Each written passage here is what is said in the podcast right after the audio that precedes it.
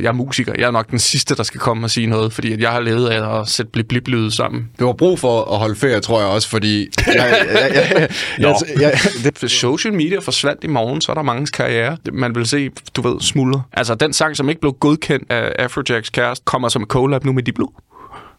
Og jeg har lavet det. Der var UK's tredje største klan, og der var kampe om lørdagen.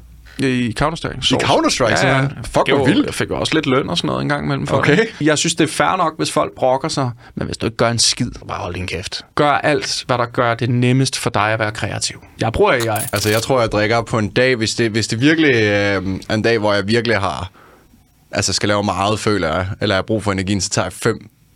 Men jeg ved det ikke. Jeg, jeg kender, at du er ikke den eneste, jeg har snakket med, der, der drikker mange kopper kaffe.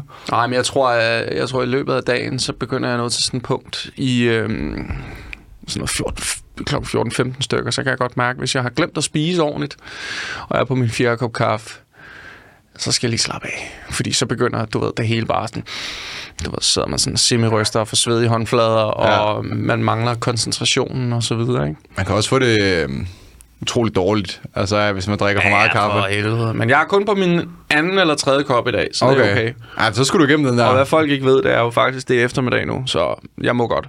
Ja, du må godt. Det synes jeg. Men Morten, du er jo, øh, du er lige blevet far. Igen. Er det? Ja, i, igen, altså, det er noget tid Igen. siden nu. Men, men det var det, du skrev med mig fire måneder Ja, siden, ja. hvordan er det? Altså, øh, hvor mange børn er du oppe på nu? Ja. Hvor mange kender jeg til? Nej. Ah. øh, jeg har to. Øh, den ene er 8, og den anden er jo så, som sagt, fire måneder. Mm. Og det er fantastisk. Det er meget livsbekræftende øh, at få en, et barn. Øh, jeg er jo 34, min kone er 36, så det er jo sådan lidt, det er også ved at være tid til, hvis vi skulle have flere børn, at få det. Mm. Øh, fordi jeg kan også godt mærke, at jeg er træt. Det tror jeg, med, det, det kommer selvfølgelig med alderen, men også bare... Min datter er 8, og jeg synes også, hun skulle have fornøjelsen. Jeg er jo selv den ældste af fire, ja. så jeg har været hele møllen igennem øh, med, med at være storebror. Og den oplevelse, synes jeg, hun skulle have. Mm. Så det, er- det er fantastisk. Det er også hårdt. Er det, er det sådan en dreng eller pige, jeg har fået? Det er en dreng, så vi har en i hver nu. Det er fantastisk. Det er jo også, jeg, jeg sådan, hvad jeg forestiller mig, øh, i hvert fald hvad jeg selv forestiller mig, når jeg engang skal have børn, så har jeg også altid sagt, jeg vil gerne have en, en dreng og en pige. Altså, det er det Ja, men her, altså desværre kan man jo ikke, øh, ligesom i Netto, gå ned og vælge, hmm, hvad har jeg lyst til? uh, det er klart, at man har en eller anden... Jeg, altså, øh, hvis min søn ser den her podcast her om, øh, om 10 år, så håber jeg ikke, han tager mig øh, for at være en idiot, men, øh, men jeg havde da håbet på to piger, fordi det er som om, du har været det igennem. Du ved, hvad du får. Det er mm. sådan her, piger er. Og piger er... Nu altså, jeg kender mange, der har drenge, og de er jo bare nogle spå. Altså, psykopater hele bundet, mand. altså, jeg erindrer ikke selv, jeg var det, men det har jeg fået at vide, min mor, det var jeg også. Vi er jo bare nogle, vi er jo nogle banditter, ikke? Der skal prøve grænser af. Det skal pigerne også. Og jeg får så også at vide, at pigerne, når de bliver teenager, så er de jo ikke til at holde ud af at være sammen med. Så jeg er glad for, at øh, det er en af hver. Hvem, hvem er du, altså sådan, når du ser på din søn, når han skal vokse op, kontra din pige, hvem, er du så mere overbeskyttet over for din øh, pige eller din søn? Hvad tror du, Ja, hvilken rolle tror du, du tager der? Ah, det ved jeg faktisk ikke. Jeg tror faktisk, fordi lige nu, der kan jeg se min datter øh, være et rigtig godt menneske. Hun mm. er god mod andre. Øh, vi får at vide fra skolen af, at hun er meget velopdragen, hun er høflig. Øh, siger, må jeg, må, I må lige have mig undskyldt, når hun rejser sig op. Og det er jo fordi, hun har jo hørt mig sige det, eller Irina sige det, ved, når man ligesom, så man ikke bare rejser sig op og går ud og skider midt under maden. Men sådan, I må lige have mig undskyldt. Det kan godt virke uhøfligt, men det er bare rart at få sådan noget at vide. Øh, og det er jo sådan lidt, jeg kan jo ikke, jeg kan jo ikke øh, modulere personligheden, mm. øh, men jeg kan i hvert fald guide dem hen til, til det at blive et godt menneske. Behandle alle med respekt, uanset køn, hudfarve øh, og så videre. Øh, og det kan jo godt være svært i 2023 at skulle bevæge sig ud i en verden, som, ser, som den ser ud nu. Mm. Fordi du kan fandme træde ved siden af, ved at bare komme til at sige noget forkert, ikke? Og hun blev, at de blev begge to født ind i en, i en kendt familie. Der er jo mange, der ved, øh, hvem min datter er, når hun mm. kommer over i skolen, ikke? Jo. Øhm, uden at hun ved, hvorfor ved I det. Men det er jo fordi, vi jo tog beslutningen om, at vi ikke har noget imod, at, vi, at hun er en del af familien, så vi mm. har uden at vi egentlig har tænkt over det, vist hende meget på vores somi. Også fordi hun er lolleren, min datter. Hun er mega grineren. Lolleren. Hun er lolleren, mand. Ja, men hun er, hun er ligesom mig. Så det er... Man prøver ikke at være for overbeskyttende, mm. men de får samme opdragelse.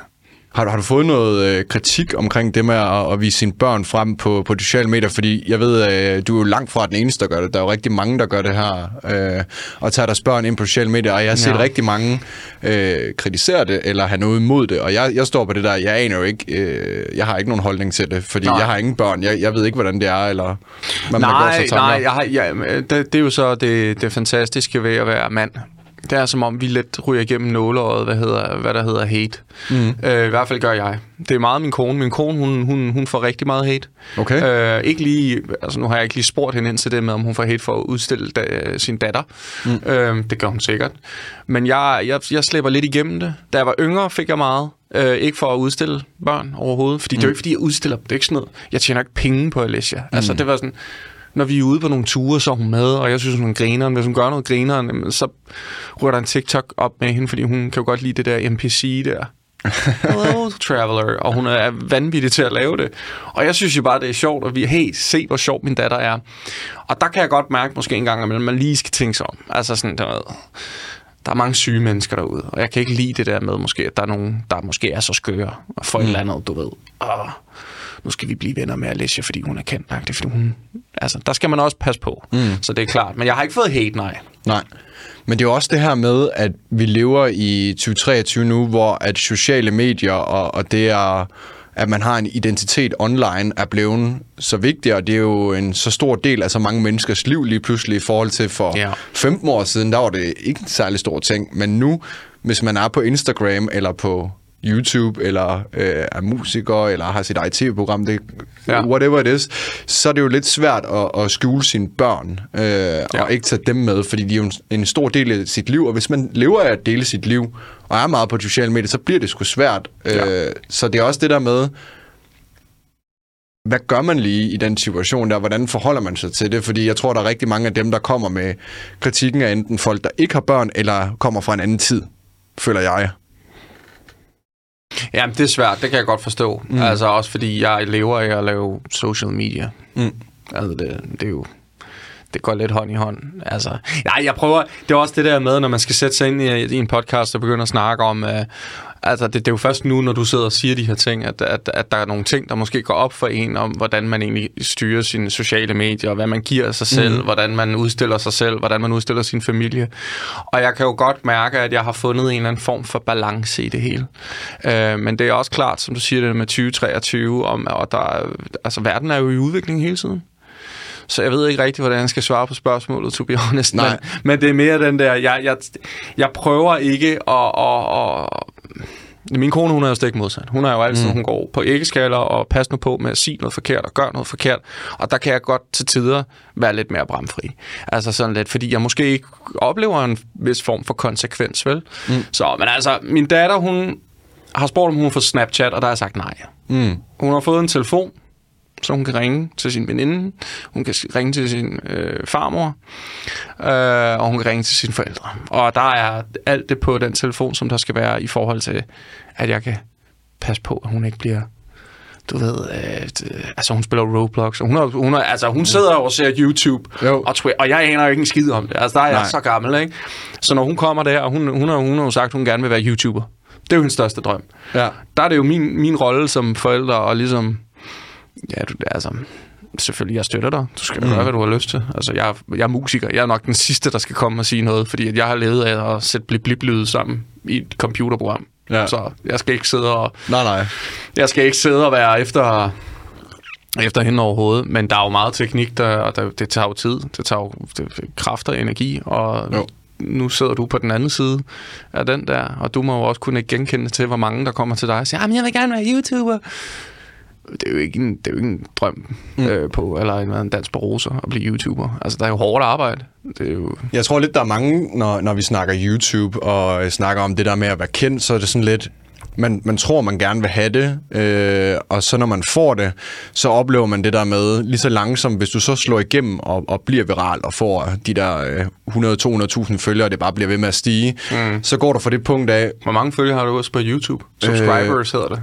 Altså på min podcastkanal, hvor det kommer ud, der har jeg øh, i snakkende stund 156.000. Øh, 156.000. Ja, ja på, min, på min podcast, men så har jeg også en anden YouTube-kanal, der har jeg 145, og så har jeg nogle andre kanaler, så... Jamen, prøv, er det ikke sindssygt at vide, at man har subscribers i det antal. Det er jo så samlet set måske en 300.000, og nogle af dem er måske de samme, så lad os bare lige runde det ned til en kvart million. Men en kvart million, mm. og vi har været en 5,6 øh, 6 millioner mennesker her i landet, ikke? Jo. Det, er jo, det, er jo, det er jo en 5-10 procent. Jeg ved ikke, hvor hurtigt min hovedregning mm. var, men det er i hvert fald det procentandel. 10 procent ish. Jo. Det er jo for sindssygt. Altså, det er jo for sindssygt, at man går ud og rører så mange mennesker. Øh, og man har så meget magt. Det er jo også det. Så jeg kan jo godt mærke, at øh, jeg prøver at holde mig fra politik mm. og min mening. Og der har også været coronavirus, ikke? Og jeg kunne jo ikke lade være. Altså, jeg, jeg var en af de der, der brede op omkring, hvor forfærdeligt det var, og synd for musikerne. Vi var det første erhverv til at lukke ned, og de sidste til at åbne op. Så det gik op for mig, at der er jo ikke en skid derude, der forstår, hvad jeg snakker om. Mm. For de er ikke musikere. De har fået deres løn for deres, øh, for deres arbejde. De fleste af dem, 80 procent Ja. af landets befolkning, er jo ikke selvstændige. Mm. De, er jo, ah, de får jo løn for deres arbejdsgiver. Og de bliver jo kompenseret, hvis de så ikke skal med på arbejde. Eller de bliver kompenseret, hvis de ikke skal med på arbejde. Mm. Og så er der jo så selvfølgelig dem, som er i restaurationsbranchen. De gik jo nedenom og hjem, eller også så fik de hjælpepakker. Mm. Men de ansatte fik løn. Der var nogen, der havde svært ved at betale end andre selvfølgelig. Det er der også en- den historie om. Men der kunne jeg godt mærke, jeg skulle bare holde min kæft. Min indbakke, den var glohed. Folk, de sad og svinede mig til, og du kan da bare få det normale arbejde som os andre. Og sådan, gud, de her mennesker forstår mig ikke. Mm. Altså, fordi det er jo, altså, det er jo, jeg er blevet musiker for en grund, jo, fordi mm. jeg har arbejdet og kæmpet det. Det er din passion, går jeg ud fra, jo. Det er jo det, og hvis du fik at vide i morgen, øh, du, må, du må ikke lave YouTube. Mm. Du må ikke lave øh, podcast mere. Nej. Jamen, så, så ved jeg da godt, hvad din reaktion vil være. Det, sådan, det skal I da ikke bestemme, eller det, nu skal jeg komme efter jer, eller whatever, ikke? Og det er jo sådan, vi alle musikere sad, vi, men vi måtte ikke sige noget. Nej. Fordi så fik vi jo bare hate. Jamen, altså, hvad var det for en slags hate? Var det fordi, at øh, de var sådan, ej, I er uansvarlige, fordi at hvis I går ud, så smitter I med corona, og nu skal vi være var- forsigtige, og... Det var en, en, bland, en blanding af det. Det var, det var den agenda, der blev ført på, øh, på tv og, og i ja. alle nyhedsmedier, der, der ligesom blev påduttet på dem, og den, den, den, det skulle I bare følge, fordi det var reglerne. Det er jo fordi, at folk tror jo, at vi lever af kaviar og champagne. Ja. Øh, og det gør vi ikke. Nej. Altså, det kan jo godt være, at vi har det fede tøj på, når vi er øh, i, øh, på tv og, og ude og optræde osv. Øhm, men, men det har folk, når de går i byen også. Mm. Altså, der er jo ikke nogen forskel på mig. Jeg går måske bare noget, der er lidt anderledes flamboyant tøj, for ligesom at udvise, at jeg skiller mig ud. Men det er jo ikke dyrere, end øh, når du går ind og ser dem, der køber bord ind på, på, på diskotekerne inde i København. Mm. Så, så, så der er jo kommet den her stereotyp holdning til musikere, at vi har det for godt. Vi har det simpelthen for godt. Mm. Og jo, jo, selvfølgelig øh, tjener vi da på, på, på vores performances, og, og med musikdelen tjener vi ikke en skid på. Så når du fjerner det eneste, vi kan tjene penge på, som er shows, og så siger jeg, "Ah, men I tjener vel på jeres Spotify-streams. Mm. Og her, det kan jeg jo godt sige her, øh, jeg har mange streams, jeg har mange månedlige lyttere, og jeg får måske en 80-100.000 om året i det, der hedder Koda, ikke? Jo. Øh, det, Hvor er mange jo- streams har du alt? Ved du det? Ja, men jeg har da en 700-800 millioner, ikke? Det er alligevel også en del. Ja, og det er jo så kun på... Altså, der, der er også nogle remixes, der ikke er talt mm. med her, og så videre, ikke? Men, men det er op omkring. Øhm, så, så, så det er jo mange ting, men det er jo ikke noget... Altså, jo, jeg er da blevet millionær på det over 15 år. Ja, det men tager altså, lang hvis tid. du, tager, hvis du tager det og dækker det ud, så er det sådan... Så får jeg jo lige så meget som en automekaniker, ikke? Jo. Så det er også det der med, at når man så tager showsene fra os, som er vores eneste levebrød, og for at vide i øvrigt, altså det er jo det, der var problemet for mig, det var, at jeg så jo landet gradvist åbne op, mm. og du, altså folk kunne få lov til at holde øh, privatfester, men du måtte ikke holde en, en fest, hvor du solgte billetter mm. for 50 mennesker, og hvad er forskellen på 50 mennesker eller før? Der er nogle kloge mennesker, der har valgt, at det skal se sådan der ud. Men jeg blev bare mere og mere bitter, ikke? Jo. Øh, så da vi endelig åbnede op, det var sådan en helt forløsning, men det var også stressende. At man Ja, blev så er du tilbage til hverdagen, ikke? jo, og er man blevet glemt i mellemtiden? Mm. Altså, fordi der var mange, de var sådan... Jeg var totalt angstet. Altså, det var sådan, puh, jeg jeg skal ud og møde mennesker igen, og jeg var jo blevet helt sag. Jeg har jo lavet fire sæsoner af The Olsens nærmest i de to års periode. Mm. Øh, var med i Vild med Dans. Så jeg er jo lige pludselig blevet tv-personlighed i mellemtiden. Er jo Så, så mens der var corona, så var du med i Vild med Dans og havde dit eget tv-program. Ja. Det var sådan ligesom det, du beskæftigede dig med ved siden af. Jeg var heldig. Jeg tjente mere under corona, end jeg gjorde øh, før coronaen. Så, men der fandt jeg jo ud af, okay, jeg, det, det var det der med, jeg, jeg, jeg nægtede at sætte mig ned og have ondt af mig selv. Så mm. jeg blev nødt til at finde ud af, okay, hvordan løser jeg den her situation? Fordi jeg så mange af mine kollegaer, øh, for depressioner, simpelthen. Fordi de er jo musikere. De lever af at skrive en sang og være ude og møde folk. Bare det der med at tage på restaurant eller tage i byen eller et eller andet, det er der også nogen, der får inspiration af. Mm. Det gør jeg jo ikke. Øh, men, øh, for jeg går ikke i byen, eller... eller åh, det lyder så sørgeligt. Jeg tager ikke ud og spiser på restaurant. Min kone og jeg prøver, okay? Mm. Men øh, vi er ikke så gode til det. Nej. Men, men de fandt ikke noget inspiration. Mm. Øhm, og der var jeg sådan lidt, jeg, skal, jeg bliver nødt til at tjene nogle penge med noget andet. Så jeg var bare sådan, hvad kan vi gøre? Skal vi lave et tv-program? Vi bliver nødt til at lave et tv-program. Øh, fix mig et eller andet, vild med dans, øh, whatever. Og så satte jeg bare mine små soldater i gang med at arbejde, ikke? Jo. Men var det, altså, så du ville egentlig gerne selv lave det til program? Du, ikke, du blev ikke approached af Discovery for at lave det program? Jo, jo, jo, der var snak om det op til. Okay. Okay. Øh, og vi var også i gang med de første optagelser. Og så kom coronaen. Så vi lavede en sæson 1. Mm. Men så lå det lidt i bogen. Okay, nu kan vi jo måske godt lave en sæson 2 og 3. Og så havde vi så heldigvis så gode seertal på sæson 1, så de købte to sæsoner Ja. mere. Og så gik det også skide godt der, og så købte de så en sæson mere, ikke? Så Men er det grænseoverskridende, altså at skulle dele så meget ud af dig selv, altså på tv? Altså jeg, kan, jeg, jeg vil have det grænseoverskridende, hvis der var nogen, der skulle øh, ind i mig og min kærestes liv, eller min families liv, eller hvad det nu kan være, og skal følge mig hjemme i min private bolig, og hvad jeg laver Ja. dag-to-day basis. Altså det vil jeg have det stramt over. Nej, men jeg har det ikke grænseoverskridende over at øh, åbne mig op og fortælle om mm. mit liv overhovedet. Nej. Øh, det, jeg har øh, synes, som jeg havde et problem med, det var, at jeg blev mere kendt for at være ham for tv, end ham musikeren. Det var hårdt for mig at komme ud og sådan, jeg har set dit tv-program. Skønt. Men har du hørt min nye sang? Altså, Ja. du ved, den, den kan jeg godt mærke, og jeg kunne også mærke, branchen vendte sig lige pludselig mod mig. Fordi at jeg havde noget, de andre ikke havde. Øh, følte jeg. Altså mm. på den måde, at det var sikkert ikke det, de tænkte, men jeg, jeg havde den der, de tænker sikkert det her om mig, at jeg har det her output, der hedder mit eget tv-program. Det vil mm. sige, at jeg, har, jeg får det måske lidt nemmere. Jeg var bange for, at de tænkte sådan om mig. Og jeg følte lidt, at folk tog afstand fra mig, fordi at nu lavede jeg reality. Ja. Hvor jeg sådan lidt, I really did, didn't give a shit. Altså, jeg så det her som en måde at tjene penge på. Nothing mm. else. Uh, fordi at det, det reddede mig. Det reddede mig virkelig, altså for at vi ikke, for jeg ikke for det første blev sindssygt oven i hovedet af at bare gå derhjemme. Uh, men jeg kunne også godt mærke, at der kom nogle folk til min forretning, som jeg kalder det, altså ud til mine shows, mm. hørte min musik, som aldrig nogensinde kendte til Faustix. Så jeg, det var jo det var jo fint at lave tv, men jeg kunne godt mærke, jeg synes ikke, det var så sjovt, at de andre i branchen... Øh, De så ned på det, eller hvad? ja, ja. Altså, Okay. Det var sådan lidt en, en forlidt erklæring i deres bog, ikke? Jo. har jeg fået at vide af nogen, når jeg så endelig får ligesom åbnet op for, for folk, når de lige får lidt at drikke og sådan noget. Ah, men øh, det var bare, du ved, så nu laver du bare reality, og sådan, det, gør jeg det? Altså, jeg ser det ikke som reality. Mm. Altså, så det her, som vi sidder og laver, er også reality. Der er et kamera, jeg sidder og fortæller om mit liv. Jamen, jeg tror, det er måden, måske øh, den måde programmet er opstillet på, øh, at du ved, der er, jeg forestiller, at jeres program minder meget om øh, for eksempel øh, Bentner og Feline og Felipe og, og, Ja, og hvad der ellers er ja, inde på. Jeg, jeg, jeg ved det ikke, jeg tror, det, det, det er derfor, folk ser det, fordi det, det er den slags format, familieprogram-agtigt, det er derfor, det bliver set som reality. selvfølgelig det, ligger i, det ligger jo i, i kategori med, mm. med de andre. Jeg var glad for, Ja. at vi fik trumfet igennem, det skulle hedde uh, The Oceans. Mm. Fordi at, uh, de ville jo også gerne have, at det skulle hedde Morten og Irina. Og jeg var sådan, hell fucking no. Altså, Ja, det hedder alle de andre. Ja, ja, men det var, man, vi var jo den første i rækken. Altså, det okay. var jo efter, du ved, familien på bryggen stoppede, så kom vi med vores. Mm. Så var der jo ikke andet. Nej. Øh, så blev der så lavet Bro og Jasmin og alle de andre okay. efterfølgende, ikke? Og der kunne jeg også godt mærke, det er sådan lidt... Altså, du er der lidt for meget... Øh, du ved, lidt for mange... Jo, der var selvfølgelig også Diamantfamilien og det der på TV2, mm. ikke? Men på Discovery var der ikke som sådan noget. Så det var også, øh, det var også sådan lidt et... Øh, altså, det er jo ikke, fordi jeg savner at lave det. Mm. Men jeg kan godt mærke i de tider, hvor der ikke sker så meget, som for eksempel nu. Mm. Lige efter sommeren, før jul. Øh, der, der, der, der skal man jo være kreativ. Der skal du ud og lave musikken, og du... Jeg er jo ikke breaket i udlandet endnu. Mm. Øh, det sker forhåbentlig på et eller andet tidspunkt, og når, og når det så sker, så har jeg så også noget at se mig til øh, i, i den her periode. Men lige nu, der skal jeg jo være kreativ.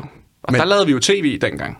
Der var noget at lave. Sidste mm. år lavede jeg også tv. Der lavede jeg langt for landsholdet i den her periode. Så jeg havde noget at lave. Nu kan jeg godt mærke, det er sådan lidt...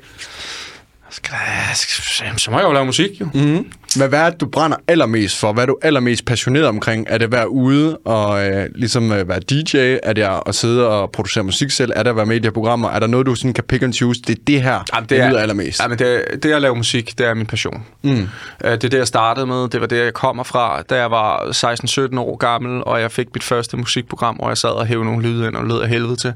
Du ved, den der processen, for noget fra skråt til slot. Mm.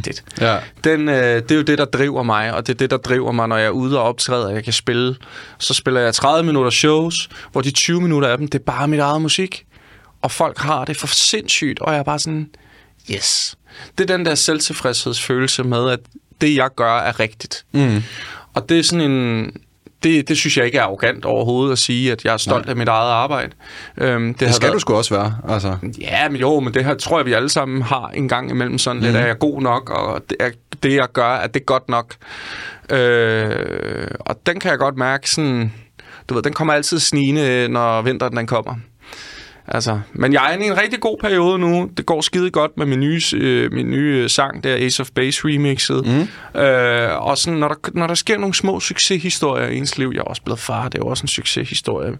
Min familie er sund og rask. Jeg har, jeg har en smuk, dejlig øh, familie, så der, der er jo, det er sådan, at alt er jo godt. Men vi er alle sammen sådan en gang imellem ramt af den der, åh, oh, nu bliver det mørkt jeg har ikke rigtig holdt noget ferie. Mm. Jeg holder ikke ferie. Jeg gider ikke holde ferie. Det spiller tid. du har brug for at holde ferie, tror jeg også, fordi... Jeg, jeg, jeg, jeg, jeg, jeg, det tror jeg, du har, men, men det, er, det, det er sådan alle, jeg føler, der har brug for at lige trække stik en gang imellem. Jeg er også en type, når jeg får at vide, Mark, nu, nu, nu skal du lige trække stikket og tage noget ferie, du har også pisse travlt, og du, du knokler for meget igennem, og jeg kan mærke, at du er stresset, så sådan lidt, ja, det er, men jeg har ikke tid til at holde ferie der er, ikke, der er ikke tid til, at jeg bliver nødt til at være i gang, og så hvis man tager en ferie, så kan man ikke, det er også det, vi snakker om inden, så kan man ikke slappe af, altså i det at have ferie. Nej, nej, nej. Øh, altså, hvis der er for mange ting. Jeg, jeg, jeg har jo, min kone og jeg heldigvis fundet sådan en, en, en balance i, hvordan vi holder ferie. Og det er sådan en enkelt dag, hvor det bare er hende og jeg, hvor vi tager et eller andet sted hen. Mm. Øh, et par år tilbage var vi også i Venedig i to dage. Det er mere end rigeligt. Altså de der workations, som vi kalder dem, hvor, hvor vi stadig styrer vores somi. Mm. Fordi for mig så er arbejde og holde fri, det er, at jeg ikke har nogen spillejobs. Det har jeg jo normalt ikke fra mandag til fredag. Mm. Så der kan jeg jo i princippet lave, hvad jeg vil. Men, men der prøver jeg jo så fra tid til anden ikke at smide for meget i min kalender. Jeg skal lige om lidt forhåbentlig prøve at holde bare fire dage, hvor at jeg ikke skal andet end at tulle lidt rundt derhjemme og øh, fikse min garderobe og mit vasketøj og måske lave noget musik. Det ved jeg ikke. Mm. Øh, men den approach til det, det giver mig ro. Men det der med, Nå, men jeg har lige bestilt 10 dage til Grækenland. Der er ikke noget, jeg mindre vil. Og det er sådan et, Nå, men du har da brug for ferie men ikke en charterferie ved en pool, mm. hvor at jeg ved, at min forretning går i stå. Nej, du, vil, det, vil du gerne ud og opleve noget? Altså, du vil gerne ud og opleve, at det skal være sådan en oplevelsesferie, fordi en charterferie, så er jo, det er en oplevelse, men det er ikke lige så meget en oplevelse, som at for eksempel tage ned til Sydaf øh, eller Sydamerika og bestige et bjerg, eller ud og se nogle flotte... Nej, sådan altså, er jeg ikke. Nej. Altså, jeg kan godt lide... Nu har vi været i Grækenland på Rodos i syv dage, og det var fint. Øh, hvor vi også lavede noget, og det var hele familien. Mm det er ikke fordi, det er det, jeg går og craver. Øh, men jeg kan godt, at det, altså når jeg siger charterferie, så mener jeg det der med, at du ikke kan lave noget.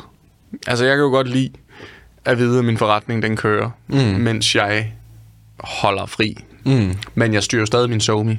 Altså social media er jo 80% af min indtægt. Når jeg siger det på den måde, okay. så, er det, så er det jo du skal jo, altså hvis, hvis, hvis min telefon, hvis jeg fik at vide i morgen, Instagram er done, TikTok er done, der er ikke noget, der hedder YouTube mere, mm. hvordan vil jeg så tjene penge? Altså, jo jo, jeg kan komme ud og spille, men så er det jo mm. med plakater. Folk får sms'er om, at der er et show med Faustix, sådan noget der, ikke? Hvis jo. social media forsvandt i morgen, så er der mange karriere man vil se, du ved, smuldre.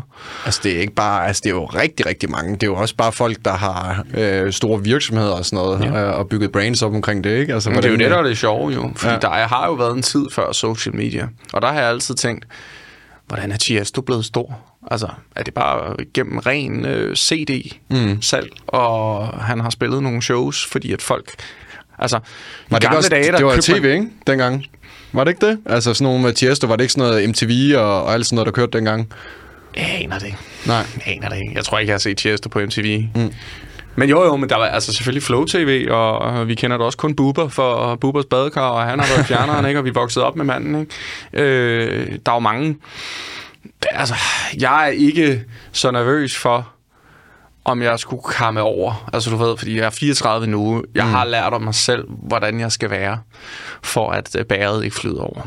Og det er ikke jeg har ikke behovet for, for syv dage til Grækenland. Mm. Jeg ville tage syv dage til Grækenland, hvis jeg kunne mærke, at min familie havde brug for det. Og selvfølgelig, mm. vi skal da ud og rejse.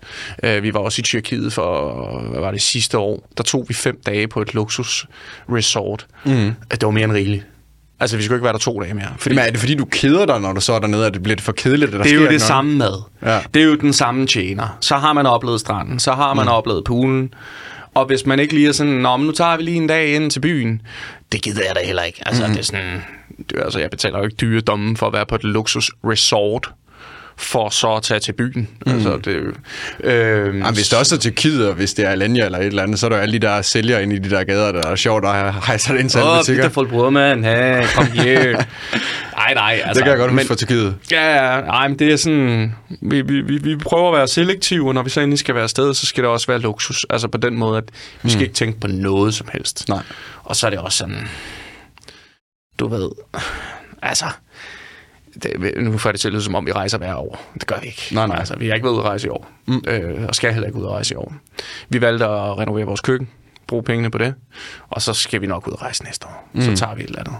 Men altså heldigvis så er vores datter er heller ikke sådan, ej, vi ude at rejse. Mm. Men tit så ved børn ikke, at de gerne vil ud af rejsen, hvor jeg i hvert fald, jeg, vil, altså jeg, øh, jeg var sådan lidt, øh, jeg gad ikke rejse, men jeg blev lidt tvunget med på ferie, og jeg, det er jeg faktisk glad for, at jeg blev tvunget med på. Øh, af de der oplevelser, dengang jeg var barn. Ja, ja. Så, så det var noget, jeg synes, der var fedt, jeg blev tvunget med på, fordi jeg var altid den der, jeg var bare siddet inde på min computer, og så spille computerspil. Jeg gider, yeah. jeg gider ikke ud af alt det rejse. Jeg blev tvunget til en masse ting, og den dag i dag, så er jeg glad for det, fordi i min hukommelse af de ting, jeg husker, så husker jeg ikke alle de gange, jeg sad på en værelse og spillede computerspil. Nej. Jeg husker rejserne som barn. Øh, Nej, men altså, min familie havde ikke nogen penge, mm. så vi var ikke ude at rejse. Vi havde en mm. køretur ned til Würzburg, som lå sådan Sydtyskland, tror jeg. Og der var jeg været 10-12 år. Altså, jeg husker mm. ikke en skid for den tur. Det var piskoldt. Så, så det er sådan...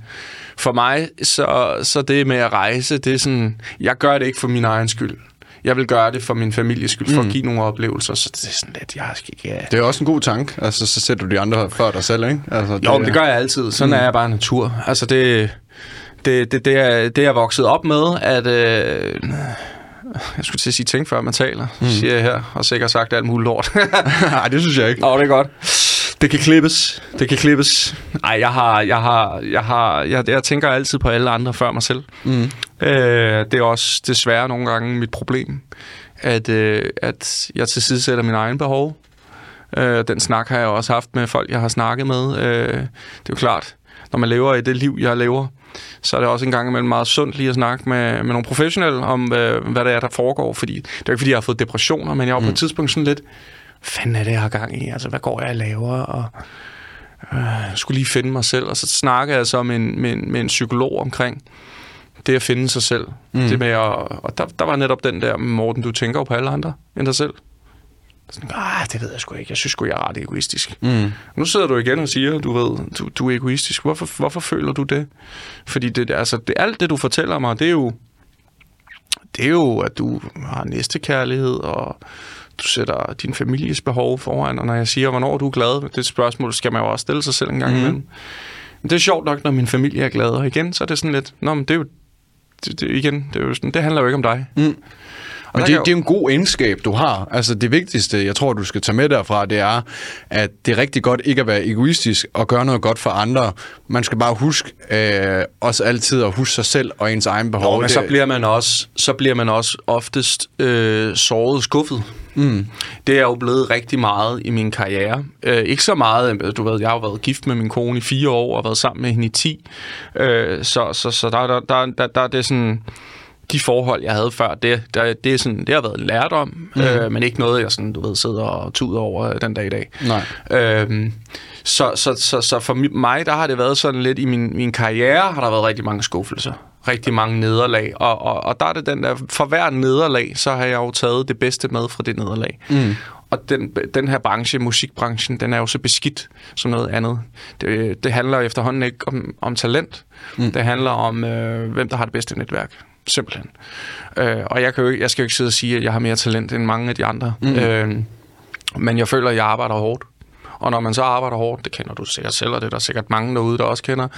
Hvis man ikke får anerkendelse for sit hårde arbejde, hvad er så med til at motivere en til at blive bedre? Og den har jeg virkelig haft svært ved. Du ved, når jeg arbejder, arbejder, arbejder, arbejder med at se en eller anden DJ få det job, som jeg fortjente at få. Mm. Fordi jeg arbejdede hårdt. Jeg havde de bedste tal. Jeg har, du ved, mm. virkelig arbejdet røven ud af bukserne. Og så er der bare nogen, der kender nogen. Og der, der kunne jeg godt mærke, der skulle jeg lige der skulle jeg snakke også med nogen, for ikke ligesom at kaste håndklædet i ringen, bare sådan, jeg gider ikke den her branche mere. Mm.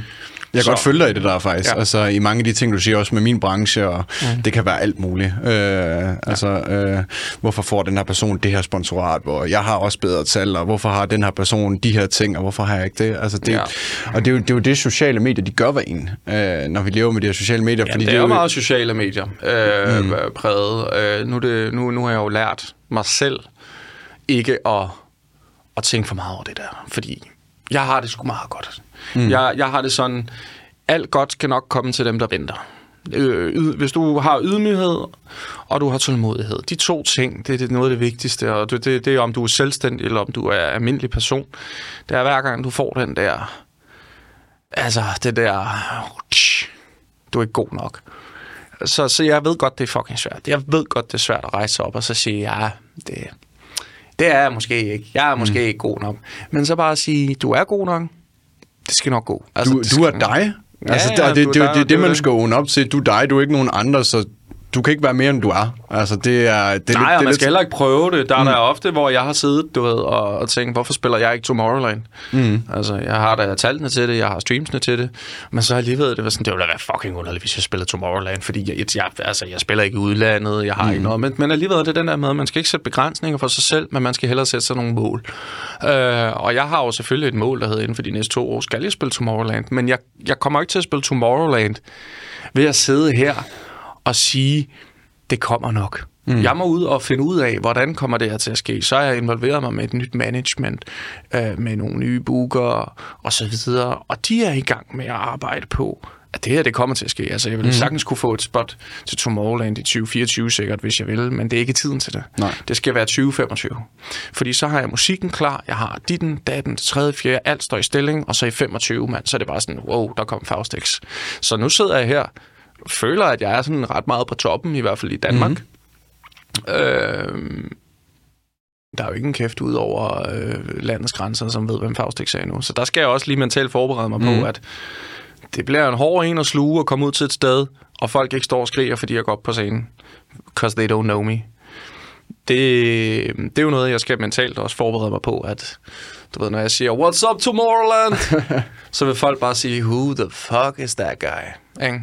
Men det, hvad, hvad, er- strategien så øh, for at komme derhen? Er det er, fordi noget, jeg har lagt mærke til inden for musikbranchen, øh, bliver brugt rigtig meget, det er jo de her collabs, øh, som folk laver. Hvis vi tager for eksempel øh, Morten Breum, han har jo det med David Guetta, ikke? det har jo øh, skyrocketet hans karriere en del, øh, vil jeg tro, uden at, at, at vide særlig meget om det. det Øh, så, så det er vel sådan noget, der skal til, at du samarbejder med nogle artister fra nogle andre lande, øh, som får dig videre? Ja, eller det hvordan? har, altså jeg har jo samarbejdet med nogle andre artister, og det, det er ikke nok. Mm. Det er ikke nok bare at få en appearance med en anden større artist. Mm. Øh, du, skal, du, du bliver jo nødt til at have en plan.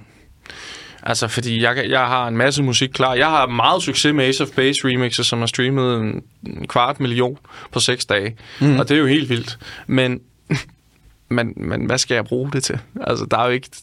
Den næste ting klar? Nej. Mm. Øh, altså, der er ikke noget, der bygger det her op. Mm. Og derfor så er det også vigtigt, at man, man allierer sig med et team, som har den samme vision som en.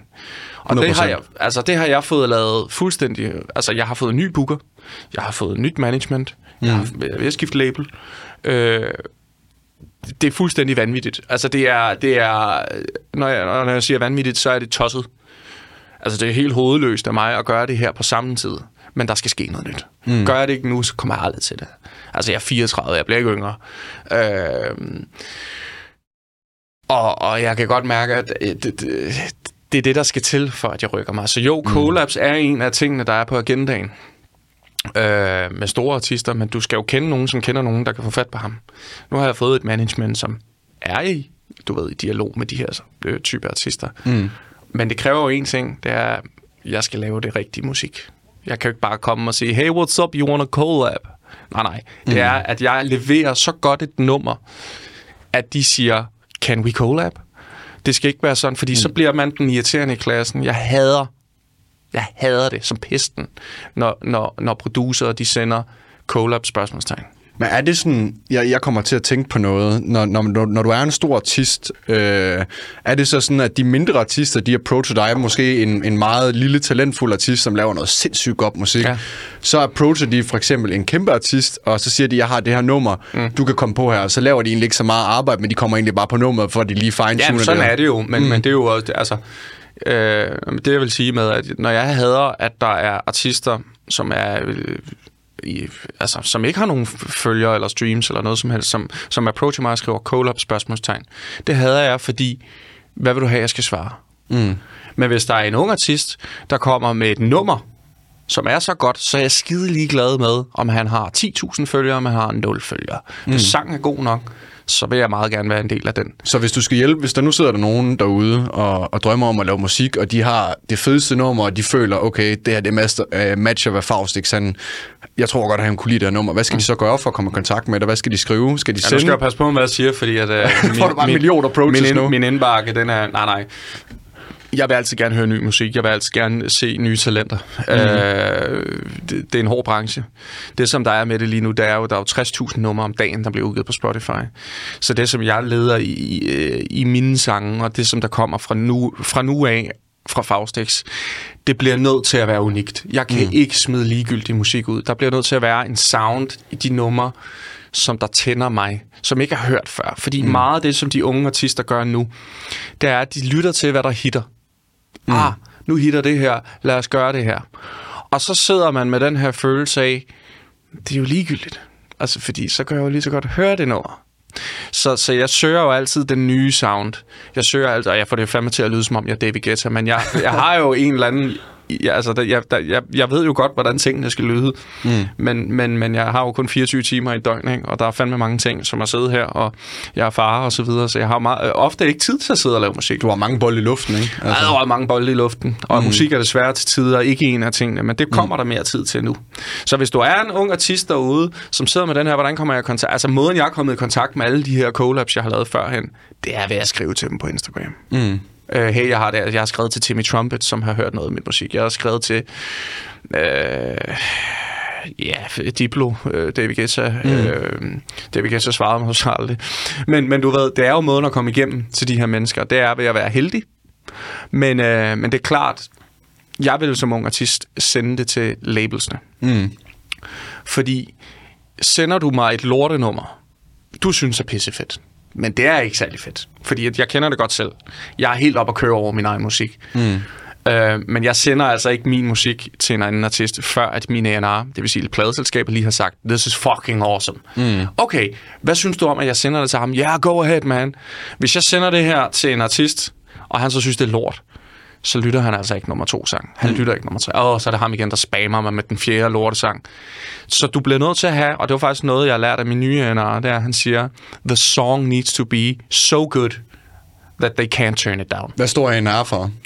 artist and repertoire. Okay. Så det vil sige, det er en, øh, et pladeselskab, som har en person, som sidder og fortæller dig, eller mm. i samarbejde med dig, så siger han, hvad for noget musik, der skal ud, laver en plan for, hvad skal der ud i løbet af året? Mm. Hvordan skal det lyde?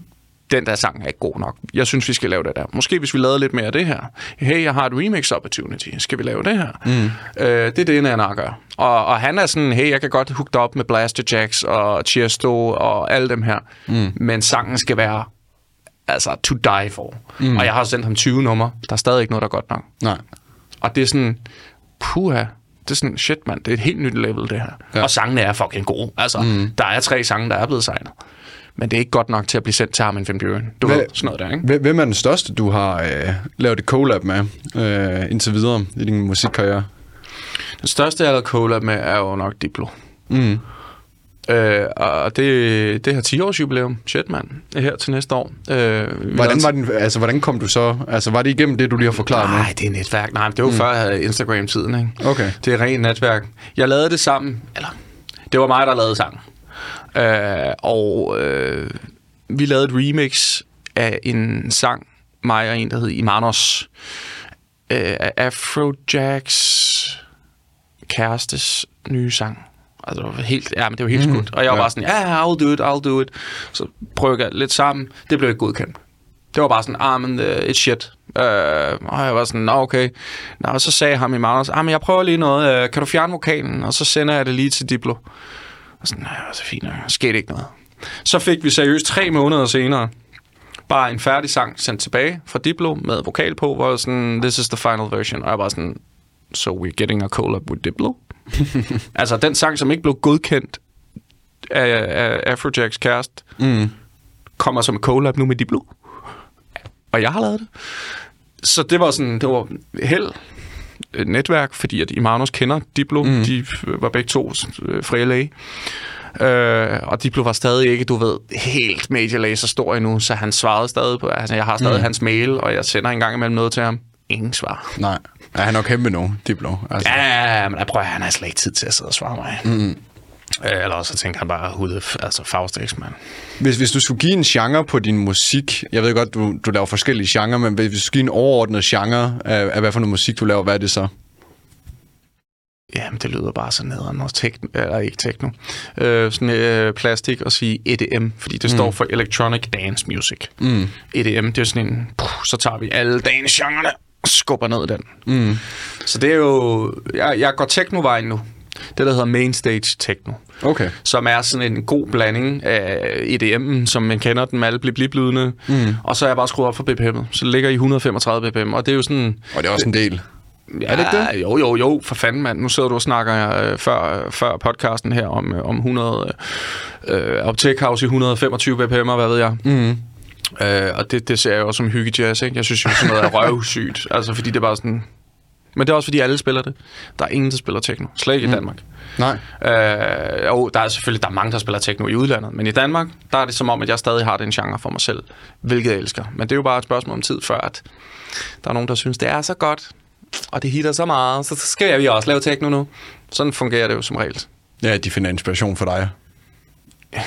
Det håber jeg. Mm. Det er da også fedt at kunne inspirere andre mennesker. Altså et eller andet sted. Altså, så Jeg har, jo ikke, ikke op- jeg har jo ikke opfundet technoen, Nej, og jeg nej. har jo ikke opfundet, da, da, da Psytrance sådan, sådan begyndte at rykke lidt på sig, ude af kontrol, de, øh, de lavede deres hurtige ting, og mm. jeg fik sgu lidt smag for det melodiske, øh, dem, dem i Israel, som Ranji, Ghost Rider, øh, øh, Bav og så videre, de lavede Psytrance, og jeg var sådan, mm. fuck man, jeg elsker den sound, så jeg begyndte at lave. Øh, Der er nok nogen derude, der kender Solo. Øh, som hørte jo- vej hen. der kan du bare se. Mm. Øh, den streamer jo også stadig meget, og, og har været et af mine største sange. Mm. Øh, det er jo Psytrance. Og da jeg så ligesom fik hul igennem med det her, også i Danmark, så var det som om, så var der nogle andre i landet, der også synes det kunne da være sjovt at begynde at lave Psytrance. Og det synes jeg jo sådan, det er jo selvfølgelig rart, at jeg kan sådan diktere lidt, eller ikke diktere, men i hvert fald inspirere folk. Trendset. Trendsætte. Mm. Øh, og jeg tænker da også, at technoen, det er jo en fed genre. Den virker live. Øh, så det er vel også bare et spørgsmål om tid, før der er nogen, der skruer lidt op for BPM og kommer op over 130 BPM. Nu hvor vi snakker så meget om det her, og det er noget, jeg bare har brændt ind med. Jeg er jo nysgerrig på, hvorfor du overhovedet startede med musik. Altså hvad, er, altså, hvad er din historie med det her? Hvordan kom du ind i den her branche overhovedet? Uh. Altså, det er et stort spørgsmål, men... Nej, men det, er- det er fordi, det skal deles op i to. Fordi et er, et er, hvordan jeg kom ind i branchen, og noget andet er, hvorfor jeg startede. Fordi jeg startede ligesom... Jeg startede med at lave musik, som... Ja, 16-17 år, ikke? Fordi jeg havde en... passion- Altså, jeg sad og spillede Age of Empires, og jeg sad og spillede uh, Counter-Strike, uh, Source. Mm. Og virkelig nørd. Altså virkelig, virkelig nørd. Øh, var i UK's tredje største klan, og der var kampe om lørdagen. I Counter-Strike. Source. Counter-Strike, simpelthen? Fuck, Jeg hvor vildt. Jeg fik også lidt løn og sådan noget en gang imellem. For Okay, så du sad og spillede uh, Pro Counter-Strike, da du ja, var 16-17 det var jo, år? jamen, det sjove ved det, det var jo, at det var jo før Counter-Strike var stort. Okay. Altså før, at, hvad, hvad ser snakker vi her? Altså, det var... Ja, det var slet ikke sådan, det fungerede. Eller jeg lagde ikke mærke til det, fordi det var sådan noget med, at du loggede på en server, du ved, vi havde vores chatgruppe og sådan noget, der var et hold på, den hed, den hed Chaos. Mm. Uh, vi var et hold på 17 mennesker, og der var kun fem, der blev udtaget hver gang. Og okay. jeg var altid blandt de fem, fordi at jeg var jeg var god til de maps, vi, vi kørte. Det var altid Dust. Er, er, er det 1.6 eller Source, vi snakker Det var Source. Det var Source? Okay. Ja, så det var lige før, source. Ja, god gamle. Ej, men øh, 1,6, den, den, den var lidt for firkantet til mig. Ikke? Det var der, hvor våbnene var... det var nærmest Minecraft-agtigt. Men der var mange dengang i Counter-Strike, der valgte ikke at tage skiftet fra 1.6 over til Source. Det var ja. først i Global Offensive, der kom. Ja, de var... Og jeg synes, jeg prøvede lige Global Offensive øh, for lige at se, om jeg stadig... Fordi jeg spiller meget øh, Call of Duty. Mm. Warzone? Uh, ja, nej, men ikke Warzone. Multipl- multiplayer, fordi det, det er sådan... Jeg, jeg vil gå for meget op i det, hvis jeg spiller Warzone. Ja. Gå lidt for meget op i... Altså, jeg kan godt lige bare gå ind, og så smadre det hele igennem, ikke? Men, øh, og så ud igen. Og så, ah, så fik jeg lige dræbt nogle 13-årige der. ah, der sidder nogle uh, tuder. Nej, så, så jeg spillede rigtig meget computer. Mm. Og så lige pludselig, så fik jeg sådan en en, en sans for dance music, og begyndte at købe en masse CD'er, og så ville jeg gerne være DJ, og så var der en mobildiskotek, øh, eller altså, fritidshjemmet købte et, sådan, en pult og sådan noget. Mm. Og så begyndte jeg lidt at stå deroppe og lege lidt, og så spillede jeg lidt til nogle til nogle øh, efterskolefester og sådan. Jamen, det var, det var, altså, jeg startede sådan der som 16 år, ikke? 15-16 år. Var der nogen, der inspirerede dig undervejs til det her? Overhovedet ikke. Mm. Jo, altså, dit, øh, musikdelen, der var det det der i Tyskland. Svenergy og Pulse Driver og alle de gamle ja. DJ Cami. De der, de der mixes der. Hold kæft, mand, det var noget lort. Dengang, hvor man hentede sin musik fra LimeWire og Berkshire. Ja. Og man så computeren bare langsomt blive mere og mere virusset. Ja, ja, og øhm, Pirate Bay, og hvad fanden folk de hentede ja, for dengang? Ja, Pirate Bay, den røg jeg aldrig på, fordi mm. netop der var altid skrækhistorier. Men LimeWire, puha, der var jeg jo pladepusheren op i i 9. klasse der, ikke? så kom jeg lige der. Skulle lige have den nye CD her. Der er alt det lækre på der. Også med jer. Den helt nye. Ej, så det var, det var sgu tider, og så mm. skiftede mm. jeg sgu bare alt det der ud med øh, musikprogram. Begyndte jeg at sidde og smide nogle lyde ind. Åh, man, det, det, det, det lyder helvede til, mand. Så brugte jeg 8 timer om dagen på at sidde og se YouTube. Der var YouTube stadig ikke stort, mm. men der var begyndt at komme Hvad årstal er vi her? 2008 stykker. Okay, ja, men der er YouTube været der i to år. Ja, men det, ja. det var der, og der var mm. videoer omkring, hvordan du laver tingene. Og det, var det FL Studio, du brugte så dengang? Nej, det hed Reason 3.0. Ja, jeg gik fra, hvis der er nogen, der kender til DAW, det står for Digital Audio Workstation, og mm. der skiftede jeg fra Reason 3.0 til Logic Pro X, da jeg fik min første MacBook. Øh, fordi det havde jeg fået at vide, hvis du, hvis du vil tage din lyd, og du vil blive bedre til at lave musik, så skal du skifte. Og jeg er total tryghedsnarkoman. Jeg var bare sådan, nej, men nu kan jeg jo det her, hvorfor skulle jeg det? Men jeg gav det en chance, sad og legede lidt med det, blev nødt til det, fordi jeg så Swedish House Mafia brugte det, og ah, så blev jeg nødt til det også. Alle mm. bruger det her program, så jeg blev nødt til det også. Og så, så skete der sgu noget der, ikke? Så begyndte jeg at tage lidt fart, og begyndte at få et godt netværk, og Breum, han tog mig lidt ind under vingerne, og vi hang ud, og ja, altså, han er jo stadig meget supportive for, for mig nu, den dag i dag, ikke? Mm. Så hvad, hvad tog mest fart først? Var det din musik eller din DJ-karriere? Fordi der er, der er forskel på at producere musik og så være DJ. Jamen, jeg har aldrig været DJ. Mm. Altså, jeg, altså, jeg har været artist, der er blevet smidt ud bag en pult. Mm. Så jeg, kan, altså, jeg kunne jo ingenting. Mm. Og det er og sådan øh, den dag i dag, så er det sådan lidt, når jeg står sammen med en resident DJ, der står og spiller før mig, så kan han jo øh, så meget mere end mig. Mm. Så det der med, at ah, men, uh, du er bare Danmarks bedste DJ. Øh, nej, det er det ikke. Altså, jeg kan godt finde noget beatmix, mm. øh, men jeg er der jo ikke for at beatmix. Jeg er der for at levere et show. Mm. Jeg er der for, altså, folk skal se giraffen og have en fest. Det er derfor, jeg kommer. Jeg kommer ikke for at vise mine skills, mm. because people don't give a shit. Altså, når du er ude og feste, vil du så hellere have DJ'en, han er god til beatmix, eller han faktisk spiller det rigtige musik. Så der er jeg også sådan lidt... Det, det, der, er, der, der er jeg sådan lidt, jeg er producer som mm. nummer et, og så som nummer to, så, så, så er jeg så DJ, ikke? Jo. Så jeg startede... Øh, det er en sjov historie jeg havde lavet et par sange, du ved, og så min tidligere manager, han var sådan, men kom lige over, øh, så skal vi lige, jeg skal lige høre, om du kan finde ud af at spille. Og så havde jeg et par CD'er med, du ved, det var Pioneer 1000. Du ved, så smed man lige et par CD'er i, ikke, og ja, jeg kunne intet bag den pult. Jeg kunne skrue op og ned. Og på et tidspunkt, og han var han rettede lidt rundt. Han havde mm. lige så meget ADHD som mig, så han rendte lidt rundt i huset, og han kunne bare høre, hvad for noget musik jeg spillede. Det var fint nok musik, men min overgang var jo lort. Den ene overgang, jeg lavede, i de 20 minutter, hvor jeg stod dernede, som faktisk sad lige i skabet.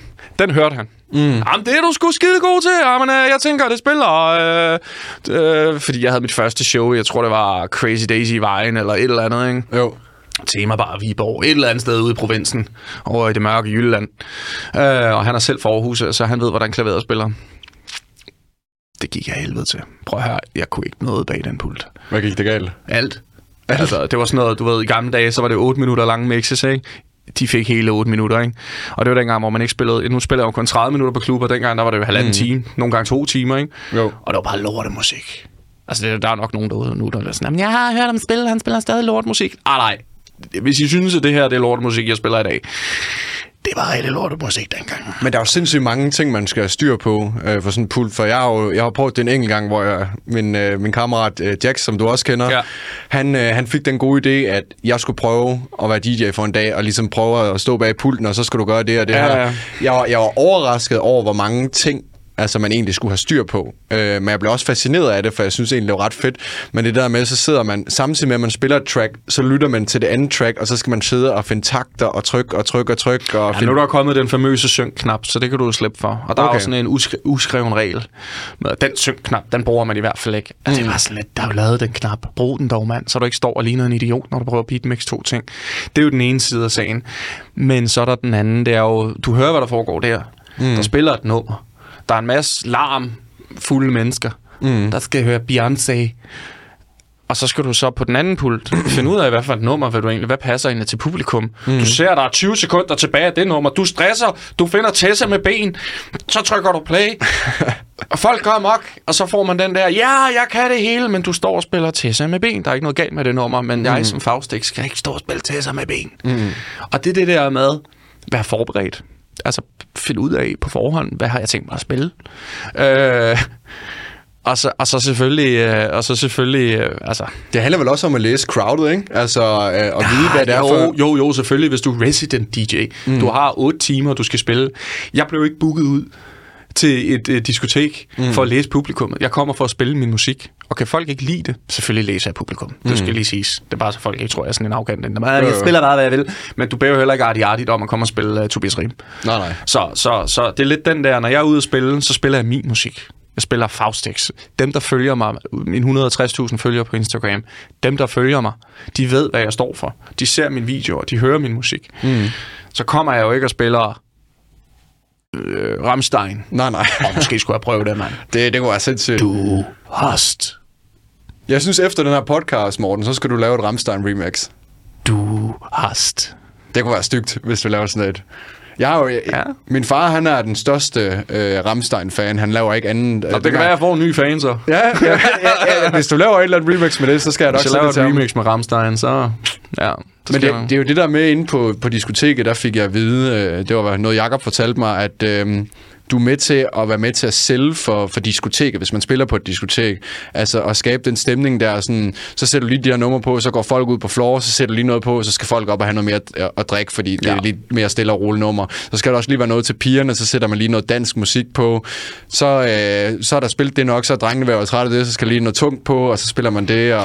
Nå ja, men det det der. Altså, Det er jo en jeg, hel kunst, ikke? Jeg har jo, jo, og tiderne ændrede sig jo også jo. Altså, for 10 år siden kunne du spille noget helt andet musik. Der var sgu ikke mm. noget, der hed Tobias Rahim, eller øh, mm urban musik. Jo, der var urban, men det var Nick J.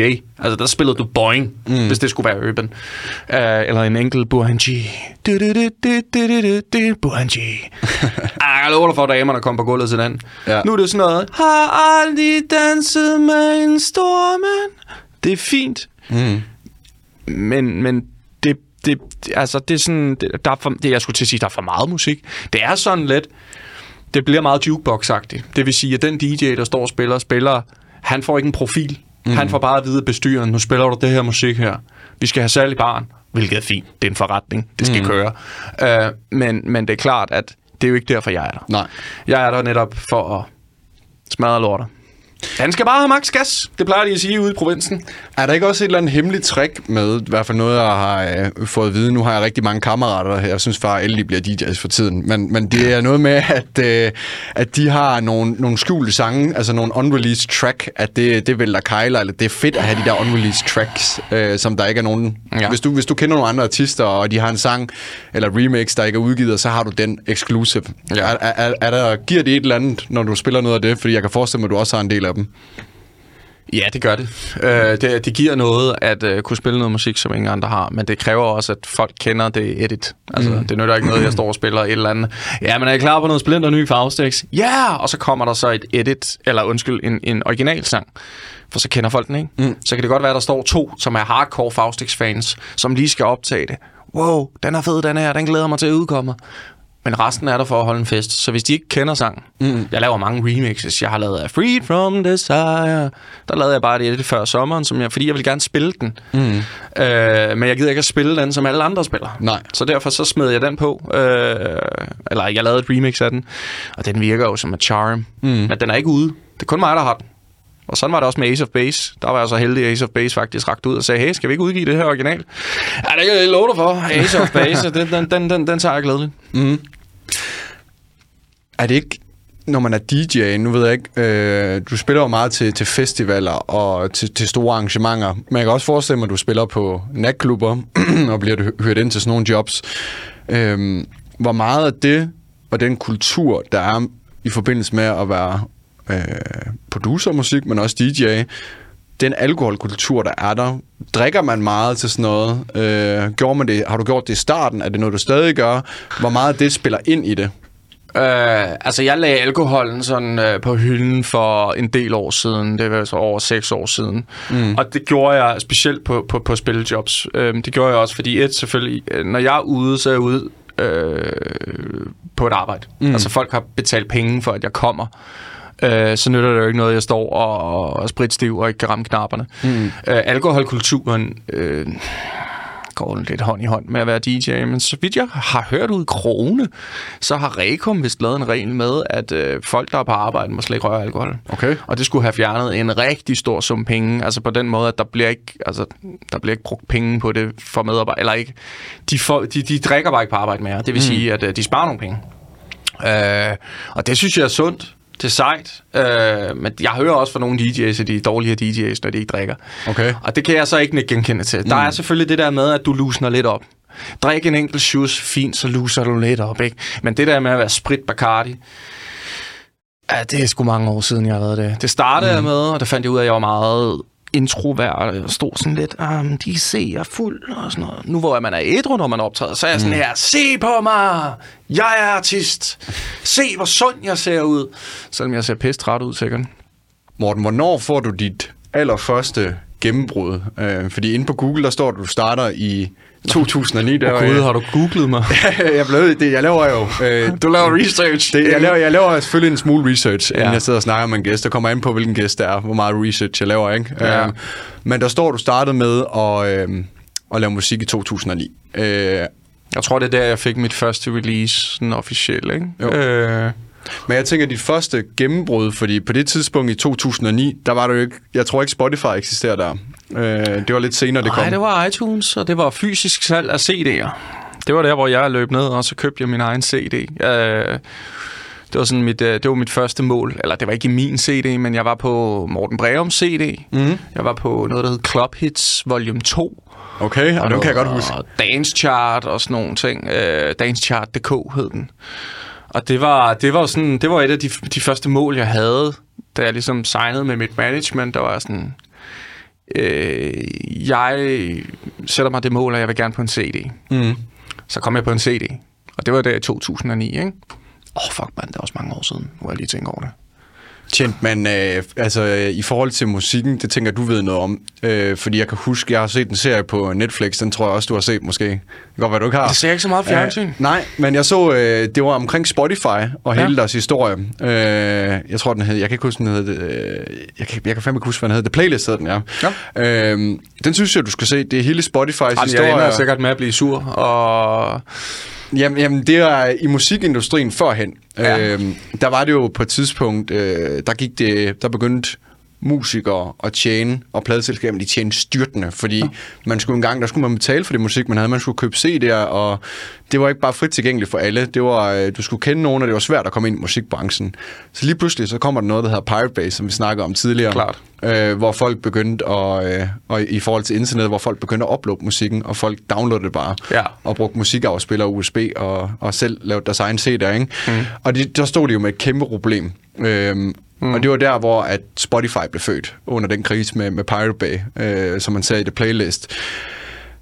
Og der sidder jeg over og tænker, øhm, hvordan du kom frem, før at Spotify blev en ting. Øh, var du også en af dem på Pirate Bay, eller du, du, havde din, du siger, du har været på de CD'er der, men var det ikke svært at komme frem på det tidspunkt? Jo, altså min måde at komme frem på var jo, at Morten Breum, han tog mig lidt under vingerne. Ikke? Hver gang han var i et tv-interview, så nævnte han mig. Uh, han spillede min musik. Uh, han introducerede mig for branchen. Og når man bliver introduceret af en som Morten Breum for branchen, så får man allerede sådan et kvalitetsstempel, at man er, man er sej. Man er god mm. nok. Vi lavede noget musik sammen. Vi lavede også et enkelt collab sammen og så videre. Og der er det sådan, du ved, så røg jeg ud på nogle natklubber og diskoteker og sideløbende. Vi er tilbage i 2015 her. Øh, indtil da har jeg jo ikke rigtig breaket. Mm. Det var først, da jeg begyndte at lave kommersiel musik og blev signet på et major label, som er Warner Music i Danmark. Så lavede jeg den sang, der hed Come Closer. Mm. Så blev jeg selv... Jeg lavede altså Diplo-sangen i 2014. Mm. Øh, jeg fik jo ikke nogen jobs for det. Nej. Altså, jeg, det, det, folk vidste stadig ikke, hvem Faust X var. Mm. Øh, jeg havde nogle pletvis, nogle, nogle shows hister her, men det var ikke noget, du ved. Nej. Øh, det var først, da jeg begyndte at lave kommersiel musik. Blev ugens uundgåelige på B3, ugens Voice Choice. Så begyndte folk at åbne op for det der. Jeg øh, var jo også sammen med Irina. Mm. Vi fandt sammen der i 2014, har været sammen snart 10 år, ikke? Og, Jo. øh, og det er klart, at hun var jo også kendt. Så det vil sige, når du så får en kendt kæreste, og du laver noget kommersiel musik, så lige pludselig, så går det hele sådan lidt op i en højere enhed. Og det er måske også lidt, jeg vil ikke sige klamt, mm. at sige, at jeg nok ikke... Altså, jeg var ikke der, hvor jeg var i dag, hvis jeg ikke havde den kone, jeg havde. Mm. Øh, på godt og ondt, fordi Så der er I sådan en mange... power couple, ikke? Jo, jo, vi er 100% et power couple, og hun havde heller ikke været der, hvor hun er i dag, mm. hvis jeg ikke havde været der. Så derfor så er det også sådan, du ved, hvor er mit breaking point? Jeg vil hellere, jeg vil hellere sige, at den ikke engang er der endnu. Fordi Nej. at, så har jeg, hvis jeg siger, at jeg er breaket, så hvad, hvad, hvad jagter jeg så? Jeg tror, du er lidt ligesom, øh, måske din rejse lidt ligesom min, fordi min rejse har været øh, meget steady hele vejen igennem. Altså, det har ikke bare været sådan, jeg laver én ting, bum, så er jeg mega kendt. Og dem er Øh, der desværre rigtig mange historier omkring. Mm. Folk, der kommer hurtigt til succes, og ikke bliver glemt, men mm. de er der bare. Og jeg kan nævne rigtig mange. Også øh, artister, som, som nu udadtil virker, som om de har succes, vil jeg godt ved med om fem år, bliver sådan lidt, Åh, skal vi booke ham? Skal vi booke hende? Mm. Har de haft et hit i lang tid? Jeg har jo ikke haft et hit, hit endnu. Nej. Jeg har jo ikke ligget i top 10. Jo, jeg, jeg, jeg lavede noget med Ude af Kontrol, hvor vi lå nummer 3 for, for en del år tilbage. Med, og så med Thorns i 2017-16 stykker. Mm. Øh, der, havde jeg... Der, nej, 19, undskyld. Der havde jeg øh, Thorns, der lå nummer 7 mm. i Danmark, og så videre. Men nu laver jeg ikke den type musik mere. Nej. Jeg gider ikke lave den type musik mere. Det er sådan sød, sød øh, popmusik. Det er sådan, jeg kan godt lide en god melodi, men det er ikke det. Altså, når jeg er ude at spille, så spiller jeg hård techno. Fanden skal jeg så stå og lave popmusik for? Det er det. Så, så jeg vil hellere blive ved med at sige, jeg har ikke lavet mit største hit endnu. For Nej. så har du hele tiden, ligesom du sikkert også, sådan, jeg har ikke haft, altså det der, den podcast, hvor fucking Joe Rogan ringer til mig og siger, Yo man, I just watched the show. Can you come to Dallas? Altså du ved, Ja. der, øh, man skal hele tiden have en eller anden, du ved, jeg har, jeg, jeg, jeg, jeg, er ikke engang startet nu, mm. mentalitet.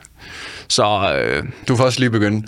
Men det er jo det der med, at du har haft, øh, øh, ligesom mig, et slow and steady race, hvor du ikke ja. bare er peaked op. Fordi der er jo det der med, hvis du får et sindssygt gennembrud øh, på en gang, så bliver du kendt for kun det.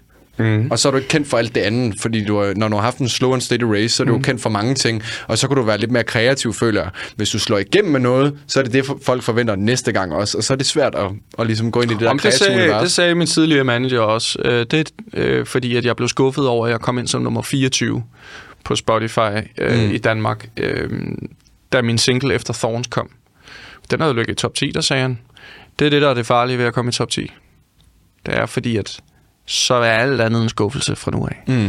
Nu nærmer jeg mig ikke engang top 50. Nej. Øhm, Men er det ikke også sat i, altså et eller andet sted, øh, synes jeg, dem jeg har allermest respekt for faktisk, det er ikke folk, der laver noget udelukkende, fordi at det giver mange visninger, eller fordi de ved, at det her det går viralt. Jeg har, jeg har mest respekt for dem, der bare åner op til, hvem de er, og laver det, de brænder for. men Fordi, det er oftest, så går det heller ikke hånd i hånd med økonomien. Nej. Fordi at jeg startede nemlig bare med at lave, jeg vil bare gerne lave hård øh, EDM. Mm. Øh, måske noget moonbeton eller et eller andet, du ved. Der skal være en hårfin balance jo, ikke? Men hvis du er, kommer Du så tjener til... bare ikke på det, altså, du ved, mm. fordi som du siger, det er en hård, fin balance. Jeg er nået i en position nu, hvor jeg heldigvis kan leve af at spille hård techno. Mm. Øh, og, og få folk med på klubberne til det. Men det er jo fordi, jeg har lavet alt andet. Jeg har opbygget et navn. Mm. Hvis jeg skulle starte nu, og jeg er så glad for, at jeg ikke skal starte nu, for det er så hårdt at være den, mm. som skal ind nu og prøve at, hey, hey, se mig, mm. hør min musik.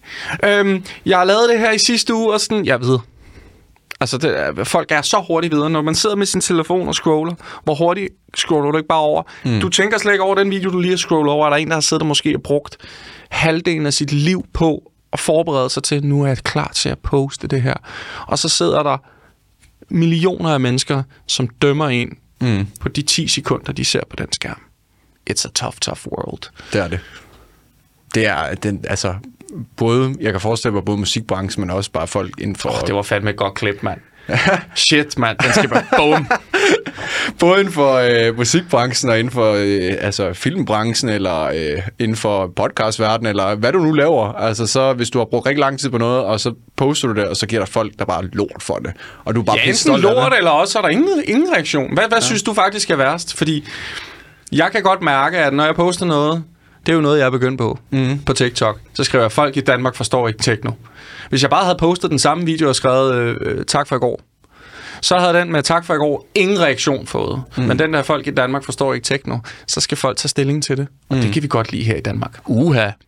Ham der, han skal ikke tro, han ved noget som helst om noget som helst. Mm. Nu får han hele min mening. Og hvad sker der med den video? Den går viralt på baggrund af noget negativt. Ja. Og det er jo sådan, det er jo lidt den, du ved, som du snakker om med, at noget, hvor du lægger hjerte og sjæl i, sådan har jeg det med min musik. Mm. Her er min nye sang. Folk er fucking ligeglade. Det er jeg ligeglad med. Hvis jeg skriver et eller andet med, at, du ved, hvor jeg tager stilling til noget, og min musik kører i baggrunden, så kan jeg se nogle gange min musik stige. Mm. Fordi der er en video, der har bidt sig fast. Hvis du, altså, det virker jo det der med at dele vandene nogle gange også, ikke? Øh, men, men du Det skal har- man bare passe på med som musiker. Det, det skal man. Altså, uanset hvad du laver, Ja, så, så, så skal du da nærmest passe på, du skal passe på dit brand, ikke? Jo. Øhm, men jeg er også tit, hvis jeg har lavet et eller andet, øh, så er det tit noget, hvis jeg har lavet et eller andet, hvor jeg synes, hold kæft, det var egentlig noget lort, det jeg har lavet her, så er det oftest faktisk det, der får allerflest visninger det, jeg laver, når det er noget lort eller et eller andet. Så, Ja, når man bruger sikkert også fær- ja. mindst tid på redigeringen, mm. og man ikke tænker over caption så meget, ja. bare stadig med lortet. Øh, tænker, det, det, det går af helvede mm. til med den, og så er det den, der går. Altså, når, du, når du fjerner dine forventninger og dine forhåbninger til succeskriteriet, altså der er godt nok mange ting. Det er også derfor, jeg synes, det er tåbeligt at bruge penge på en musikvideo. Mm. Fordi den genererer ingenting. Nej. Folk er over musikvideoer. Øh, der er nogen, det er sådan, der går det, det er jo fint nok, hvis du hedder Ed Sheeran eller øh, Nicki Minaj, mm. for så, så er det en, en kime brand. Jeg har, lige, jeg har lavet en musikvideo, og den har jo ingen visninger fået. Nej. Den sidste, jeg har lavet. Om jeg kan huske, musikvideo, det var stort på et tidspunkt. MTV, ja. Boogie, Boogie TV. Nej, men også på, også på YouTube kan jeg huske, hver gang der var, øh, øh, hvis jeg så øh, Branko eller Gilly eller andre, så er sådan, fedt, nu er der en musikvideo, der har set den, og det var bare the shit på et tidspunkt for mig i hvert fald, når, når jeg lyttede til musik, så kunne jeg godt lide at se musikvideoen dertil. Nå. Men nu, der ser jeg sgu heller ikke musikvideoer længere. Nej, så, fordi alt går hurtigt. Øh, Ja. Og folk går hurtigt videre til det næste. Det er jo også derfor, at musikken for mig, det er jo, det er jo et asset til brandet. Hvor at jeg smider, jeg skyder med spredet havl. Øh, hvis man tjekker min Instagram, så, så, så viser jeg jo rigtig meget af det musik, jeg laver. Mm. Fordi jeg kan godt lide at lukke folk ind, vise, hey, jeg laver. For det første er der rigtig mange i branchen, der ikke laver sin egen musik. Mm. Jeg vil gerne showcase mit talent. Jeg er god til at lave musik. Jeg synes selv, jeg er god til at lave musik. Hvad synes I? Det er interessant, det der du siger med, at der er mange i branchen, der ikke laver deres eget musik. Fordi jeg har også set, at der er rigtig mange, der bygger brand op, øh, og så er de DJ's, men de laver ikke deres eget musik overhovedet. Så får de noget, så køber de en et track og får andre til at producere det. Jeg er jo venner med, med både folk, der er DJ's og nogen, også nogle producer, og de har fortalt mig rigtig mange, der så har de bare solgt et eller andet nummer for 5 eller 10.000 kroner, ja, ja. og så har de smækket deres navn på, og så har de fået, jeg ved ikke, hvor mange streams på nogle andres arbejde. Jeg har intet imod, at folk ikke mm. producerer deres eget. Jeg sidder jo også og har et producer-team øh, på en to-tre stykker, som pitcher nogle sange i nyerne. Mange mm. af de sange, jeg får tilsendt, der er der en producer, der sidder og lavet grundideen, mm. hvor jeg i princippet bare skal sende, sætte mine lyde på. Øh, det er jo det, jeg vil sige, med musikbranchen er jo blevet en forretning. Mm. Musikbranchen er jo, handler jo ikke om musik mere, det handler om brand, branding-værdi. Øh, og så kommer musikken efter. Der er jo mm. mange, de er jo ligeglade med, hvem der står på, om det er Faustix, eller om det er David Guetta, eller who, who, whoever. Mm. Øh, er sangen god, så er sangen god. Og navn har vel også lidt at sige, du er vel mere tilbøjelig til at, at klikke ind på det nummer, Nå, hvis der står Faustix. Ja, nej, men det jeg mener, det er bare, de, de er ligeglade med, hvem der har lavet den. Ja. Altså på den måde, at du ved, hvis øh, jeg hører en sang i radioen, som jeg skide godt kan lide. Mm. Men, og så det har jeg taget mig selv i et par gange. Der er jo nogen, som jeg ikke bryder mig om i branchen. Og det er enten fordi, de har været tavlige over for mig, eller, eller jeg måske bare synes, de har nogle forkerte værdier. Mm. Og så har jeg hørt en sang i radioen, hvor jeg tænkte, åh, den skal jeg lige shazam. Selvfølgelig. Så stopper jeg bilen, shazamer den. Mm. Og så er det bare en artist, jeg ikke kan fordrage. Der er jeg sådan her, for helvede! Men det skal ikke stoppe for, at jeg har lyst til at høre den. Og så mm. kan man jo så også altid gå ind i credits, og så kan man se, hvem der har produceret sangen. Ikke? Altså, så det, eller hvor der står tak til nu på dansk. Man må ikke skrive nej, show nej. credits. Det er tak til. Hvad gør, at du ikke kan lide nogle andre artister? Er det fordi, de har et for... Altså, nu skal du ikke nævne nogen navn, men er det fordi, de har et for højt ego? Er det, er det øh, at fame, der er stemt til hovedet nej, det er, det, eller? Nej, nej, det er kun... Ja. Det er kun det, det, det, det er et hårdt ord at sige, kan ikke lide andre artister. Mm. Øh, jeg deler bare ikke de samme værdier. Nej. Og jeg synes, der er mange måder, man kan opføre sig på som artist. Øhm, og jeg ved godt selv, når jeg for eksempel har været påvirket eller et eller andet, så kan jeg måske godt have fremstået lidt arrogant. Mm. Øh, det har jeg så også, det døjer jeg rigtig meget med, den skyldfølelse, at jeg måske har været en idiot. Øhm, men jeg er ikke et dårligt menneske. Mm. Og der er nogen, de, de har svært ved at begå sig socialt, og derfor så har de øh, været uhøflige. Og jeg er jo, som hvis man har hørt hele podcasten her, mm. så går jeg jo meget op i at opdrage mine børn til at være høflige, gode mennesker. Så der kan jeg jo måske godt øh, have ønsket, at øh, dem, som er så... De, det er jo rollemodeller. Vi er jo rollemodeller. Mm. Hvad, jeg, hvad der kommer ud af munden på mig. Det tager de med videre nogen. Mm. Der er også nogen, der kommer til at se den her podcast, eller se et, øh, et, et, et klip, øh, mm. som jeg siger. Og så skal de jo tage stilling til, om de er enige eller uenige med mig. Mm. Eller også så sidder jeg måske og ser sådan lidt for sur ud. Du, du, du skaber meget hurtigt en holdning til en person mm. i de 15 sekunder på Instagram. Men det, det skal folk, det synes jeg også er noget, folk de skal passe på med, og det har jeg også selv gjort på et tidspunkt, men jeg blev meget selvbevidst om det der, fordi folk, der sidder ude på nettet, de ved ikke, hvem, de kan måske få sådan en forestilling af, hvem du er, men de ved ikke 110 procent, hvad du har gået igennem, eller hvem du er som menneske Eller har hørt hele podcasten. Eller har hørt hele podcasten, og det er noget, folk er rigtig dygtige til på, på TikTok i hvert fald, og jeg synes, jeg synes det er for at være helt ærlig, en, en syg udvikling, der også er, at folk de sidder og kan være så modbydelige, uden at de, de jeg kender har vendet, Jeg har vendet mig til det. Ja. Øh, jeg fik lige en, en tur i mudderet af 24-7's øh, lytter. Nå. Fordi at jeg havde i en podcast der nævnt, at øh, fordi jeg sagde, at jeg synes, det, var, det, er en synd, det er synd, at unge musikere bliver lidt kastet for løverne i form af, at de laver content kun til TikTok. Altså, mm. de, de tænker hele tiden på, hvordan går jeg viralt? Mm. Så den her lyd, den kan gå viralt. Og sådan, om nu skal jeg lave det, og det, og det, og det. Hvor det handler mere og mere om content og blive hørt. Mm. Øhm, og det er jo så blevet til en overskrift med, at jeg rauser øh, de, de unge producer for at gå mere op i TikTok. Og var sådan, jeg går op i TikTok jeg, jeg tror ikke, jeg kender nogen artist, mm. der laver mere content end mig nærmest. Altså, jeg laver, poster hele tiden content. Mm. Så det blev hurtigt taget til, at jeg var en sur gammel mand. Og det kan jo igen, altså, der forstår jeg jo godt, det er jo sådan journalister, de fungerer. Ja, ja, ja. Altså, BT, Ekstrablad og så videre, ser jeg hører. Jeg boykotter jo hele lortet, fordi hver mm. gang, at der er et eller andet om mig, så er det et eller andet, jeg siger, som her. Så er det Faustix øh, boykotter øh, øh, medierne, og så finder de et eller andet grimt ansigt af mig. Ikke? Det er bare mm. sådan åh, man bliver træt i hovedet. Det er konstant det der negative, der skal blive sendt ud, det der negative billede, men, men det er også det, der sælger. Det er jo det, det der virker. Ja, det er det, der sælger. fordi Clickbait. Så er der... Det er jo ikke om succeshistorierne. Nej. Faustix remix af Ace of Base. Nope. Mm. Det er jo ikke det. Men, Nej, nej. men hvis jeg havde, uh, I don't know, svinet Ace of Base til, mm. så, så skulle det det nok. Uh, altså, du kan, jo, du kan jo altid finde noget negativt, og det er jo det, jeg også er træt af. Jo. Det er jo det der med at forarve folk, ikke? Det er jo det, der virker. Altså, mm. øh, jeg havde jo jeg har lavet en podcast med, øh, med Joachim Stenter, og i den mm. podcast, der fortæller han mig, at han kører øh, 300 km i timen på, øh, på motorvejen med hans børn, altså på autobahn, ikke? Øh, Joachim er sådan en, sjov karakter, som, som siger nogle outrageous ting, og har en bestemt form for humor. Okay, jeg troede, ja. jeg var outrageous i det her interview her. Ah, Jeg har, ah, ah, absolut ikke. jeg har intet sagt så. Nej, men det, han- det han sagde der, det var, det var, at han kørte de der 300 km i timen med hans børn, og øh, så var jeg lidt overrasket, så får jeg en besked, Mark, du er på Ekstrabladet, men det er ikke dig, det handler om. Det er din podcast øh, med det, Joachim Stender har sagt. Så de har jo taget det der øh, med det, han har sagt, og så har de skrevet, jeg tror, de lagde en artikel ud, og så lagde de en mere ud med et billede på ham. Og der var flere, det var på forsiden, øh, eller øverst på Reddit også, og alt muligt folk, de gik helt loko omkring det. Så Men det er jo det, der er altså, lidt problemet også, og derfor jeg normalt ikke gider podcasts og interviews mm. og alt muligt. Fordi at jeg er altid bange for, et eller andet, jeg siger, mm. kan blive vendt og drejet, sådan så det i mediernes lys bliver negativt. Mm. Og det, det sker. Ja. Altså 100% der er et eller andet i den her podcast, som bliver taget af en eller anden. Jeg håber ikke. Øh, Jeg håber bare, at lytterne lytter til det og synes, at det er en interessant podcast. Men jeg er allerede mentalt forberedt på, at der kommer et eller andet, hvor det er jo ikke positivt. Mm. det kan Faustix hylder synes. Så hvis der sidder nogle journalister og hører podcasten, så hylder jeg jer. Skriv om det. I er dejlige, og I skriver altid godt. Nej, jeg har det, jeg har det bare sådan lidt... Det er jo også det, der skræmmer mange kendiser for overhovedet mm. at have en holdning til noget som helst. Mm. Fordi at vi bliver revset på internettet.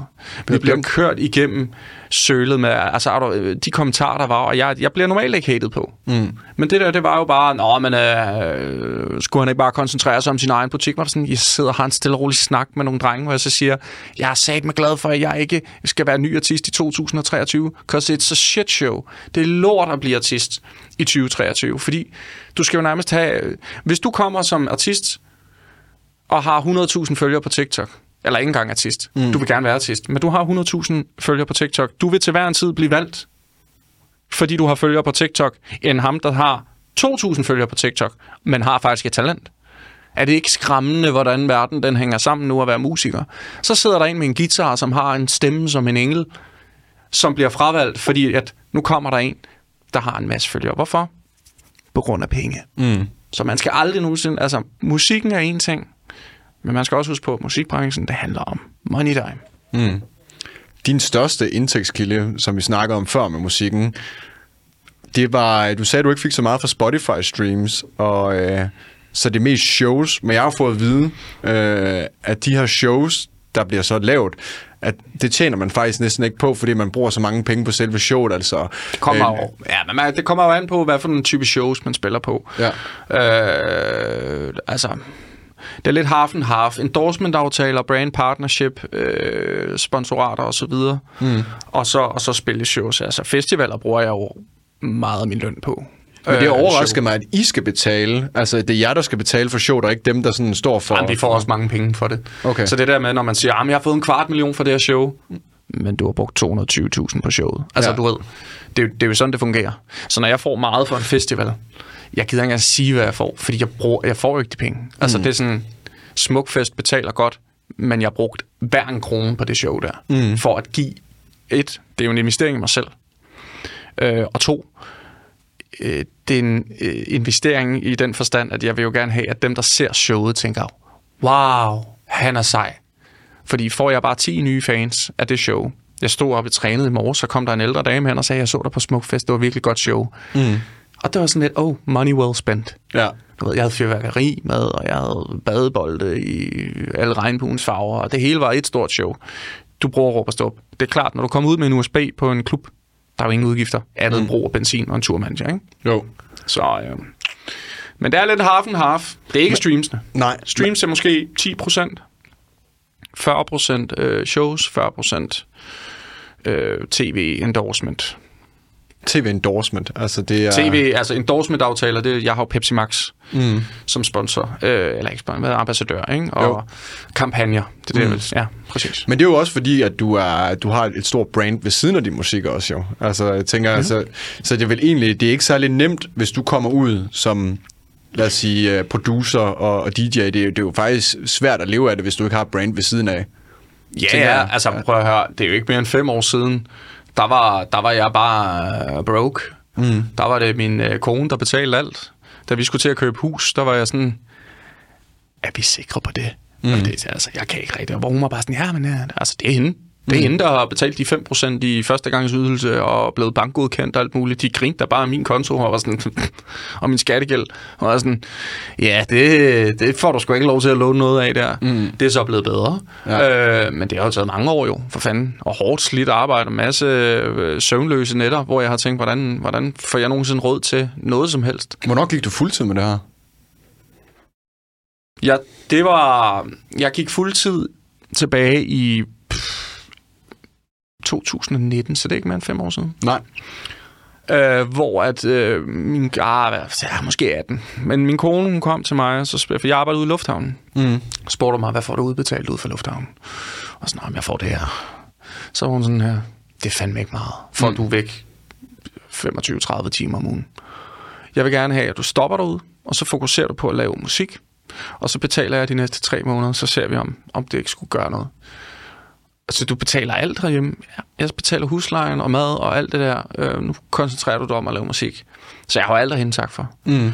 Øh, fordi det var jo det, der gjorde, at jeg gik fuldtid. Det var, at jeg fandt ud af, at jeg kan tjene det samme, hvis jeg bare arbejder hårdt på musikken. Mm. Laver nogle collabs, producerer for nogle andre. Får nogle flere spillejobs i kassen. Mm. Fortæller mine folk omkring mig, hey, jeg har gået all in på det her. Let's meet. Lad os lave nogle sange. Mm. Det var altså nervepigerne, ikke? Jo, Jo, hun betalte kæft, hvor er det fedt, altså også, at hun kommer, og, og sådan, det, altså det hun basically siger til dig, det er, Morten, jeg kan se, du brænder for det her, jeg vil have, du skal følge din drømme. Nej, nej, nej, er det ikke? Nej, det var ikke det. Hun vil skide min drømme et stykke. Altså, hun, sagde, hun sagde, jeg kan se, at du har talent. Mm. Det vil være synd, hvis du, ikke, hvis du spildte det talent. Ja. For jeg var aldrig blevet den, jeg var, hvis jeg var blevet ved med at arbejde ude i lufthavnen. Mm. Men jeg har det drive, passionen. Jeg har også passion for at lave flødeboller. Altså, det, det vil hun aldrig sige, at jeg skulle... Nej, nej. Du ved, men jeg har talentet for musikken, og, Mhm. mm. og, og det kunne hun se. Hun kunne se, at jeg var nørd med stort N. Og det var også det, hun faldt for hos mig. Uh, så, så, så, så det, ja, men det er jo sindssygt at tænke tilbage på, at hun var bare sådan, det var jo hendes skyld, at jeg også sidder her i dag, og det er også mm. hendes skyld, at jeg, jeg har fået det navn, jeg har fået, og, øh, men samtidig er det også min egen persistency, og at jeg, du ved, ihærdighed, sørger for at sætte mig nogle mål, blive ved med at arbejde hårdt. Der er ikke noget, der mm. hedder, jeg slækker lige den her uge her. Nej, Nej. Det er der sgu ikke. Altså, det, det, det er sådan, fordi hvis jeg gør det, så, skal jeg, så, har jeg, så kan jeg ikke brokke mig. Mm. Ja, altså, det kender folk sikkert derude, ikke? Man ligger der. Jamen, det er bare så nederen, at øh, Karsten derovre, han har fået den her mulighed, hvor jeg sådan at, jamen, hvad har du gjort for ikke at få den mulighed? Mm. Og jeg vil sige, jeg synes, det er fair nok, hvis folk brokker sig, men hvis du ikke gør en skid, så skal du bare holde din kæft. Altså, det er så let. Altså, jeg, jeg, jeg brokker mig ikke skide meget, men jeg får også det, som jeg pt. kæmper for. Nu har vi jo snakket meget om, om din karriere, og jeg har også set noget på din Instagram, og øh, det er, at du træner. Ja. Ja, Hvad er det, jeg prøver? Full body. Hvor Ja. meget træner du om ugen? Det er jeg lidt nysgerrig på. Jamen, jeg, jeg, jeg træner sgu hver dag. Mm. Øh, ej, fem, fem ud af syv dage, ikke? Jo. Øh, fra mandag til fredag. Og så, du ved, mandag øh, kører jeg, øh, kører jeg pull, nej, push-dag, øh, som er bryst og triceps, og Mm. ja, så kører den sådan lidt, ikke? En ny ting hver dag. Der, altså, der er jo alle sammen, der er nok nogle kloge hoveder, der er, "Ah, du gør det helt på den forkerte måde. Men det er egentlig ikke, jeg gør det jo ikke for at blive bodybuilder. Jeg gør det egentlig for at, fordi jeg døjede med nogle øh, rygsmerter. Mm. Jeg fik en diskusprolaps for halvanden års tid siden, øh, og var bare sådan et, fanden tage ved mig, om jeg skulle sidde og have smerter som 30-årig. Altså, kom lige i gang. Så jeg var sådan lidt, ved du hvad, jeg går lige i gang med at træne, og så blev jeg sgu lidt bidt af det, og blev, blev gladere for det, og så når man begynder at se resultater, så er jeg også sådan lidt, skal vi sgu da bare fortsætte? Mm. Gør det ikke også noget for din, dit mentale helbred? Altså, øh, fordi det har det i hvert fald gjort for mig, at hvis jeg har haft en presset dag, eller øh, jeg har manglet energi, så tager, ser jeg ikke har haft lyst til at tage op i centret, og så når jeg lige har været der, ikke? så når man kommer ud derfra, Ja. så har man bare en fornyet energi, man er fuld af endorfiner og dopamin, og man er bare... Men det er jo lige bare, det sidste, klar. det er, ikke? Du Ja. får jo udløst nogle glædeshormoner ved at træne. Det er jo, mm. det er jo bare det er jo bare videnskabeligt bevist. Uh, men det er klart, at man får det også bedre med sig selv. Du gør noget godt for krop og sjæl. Mm. Uh, det der med, og så er det den ene time der, hvor jeg nu afleverer min datter om morgenen. Det, det vil jeg glædeligt. Jeg står tidligt op og afleverer hende, og så træner jeg fra 8 til 9 hver Mm. dag. Hver eneste dag. Hver eneste dag. Og den fra 8 til 9, og så holder jeg fri weekender, ikke? Jo. Men den fra 8 til 9 der, der er det bare mig og de forpulede vægt. Hvor der er ingen, der kan komme i kontakt med mig. Der er ikke noget arbejde. Det er bare mig og den barbell, eller den, altså den skal bare...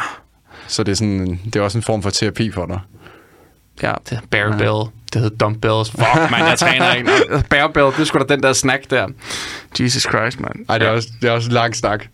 Nej, men, øh, men ja, træning, det gør noget godt, og det gør også noget, jeg fandt jo ud af, at det gør også noget, noget på selvtillidskontoen. Mm. At føle, at du ved, du, du, altså, man bliver jo ikke yngre. Og jeg har altid været høj og tynd. Så, altså sådan, du ved, og så lige pludselig så fik jeg bildæk. Og sådan, hvad fanden er det her? Og så fik jeg sådan en, en lille mave her, når man sidder ned nu, så, så er jeg bare hård, ikke? Og har en sixpack og sådan nogle ting. Se det på cremen. Se det på cremen. Uh, nej, så, så jeg har, jeg har, jeg, altså, jeg har det godt med mig selv. Mm. Så det, og det, det mere vil jeg jo mere, ikke? Altså, Jo. det er sådan, hvis jeg stoppede nu, så ville jeg jo føle, at det er noget lort, det her. Så jeg tvinger mig selv til at tage det op. Også i dag, faktisk, selvom at der er efterårsferie. Øh, så var jeg sådan lidt, du skal lige op en time. Så jeg tog op og trænede en time alligevel. Selvom jeg ikke skulle aflevere børn. Yes. Strong man.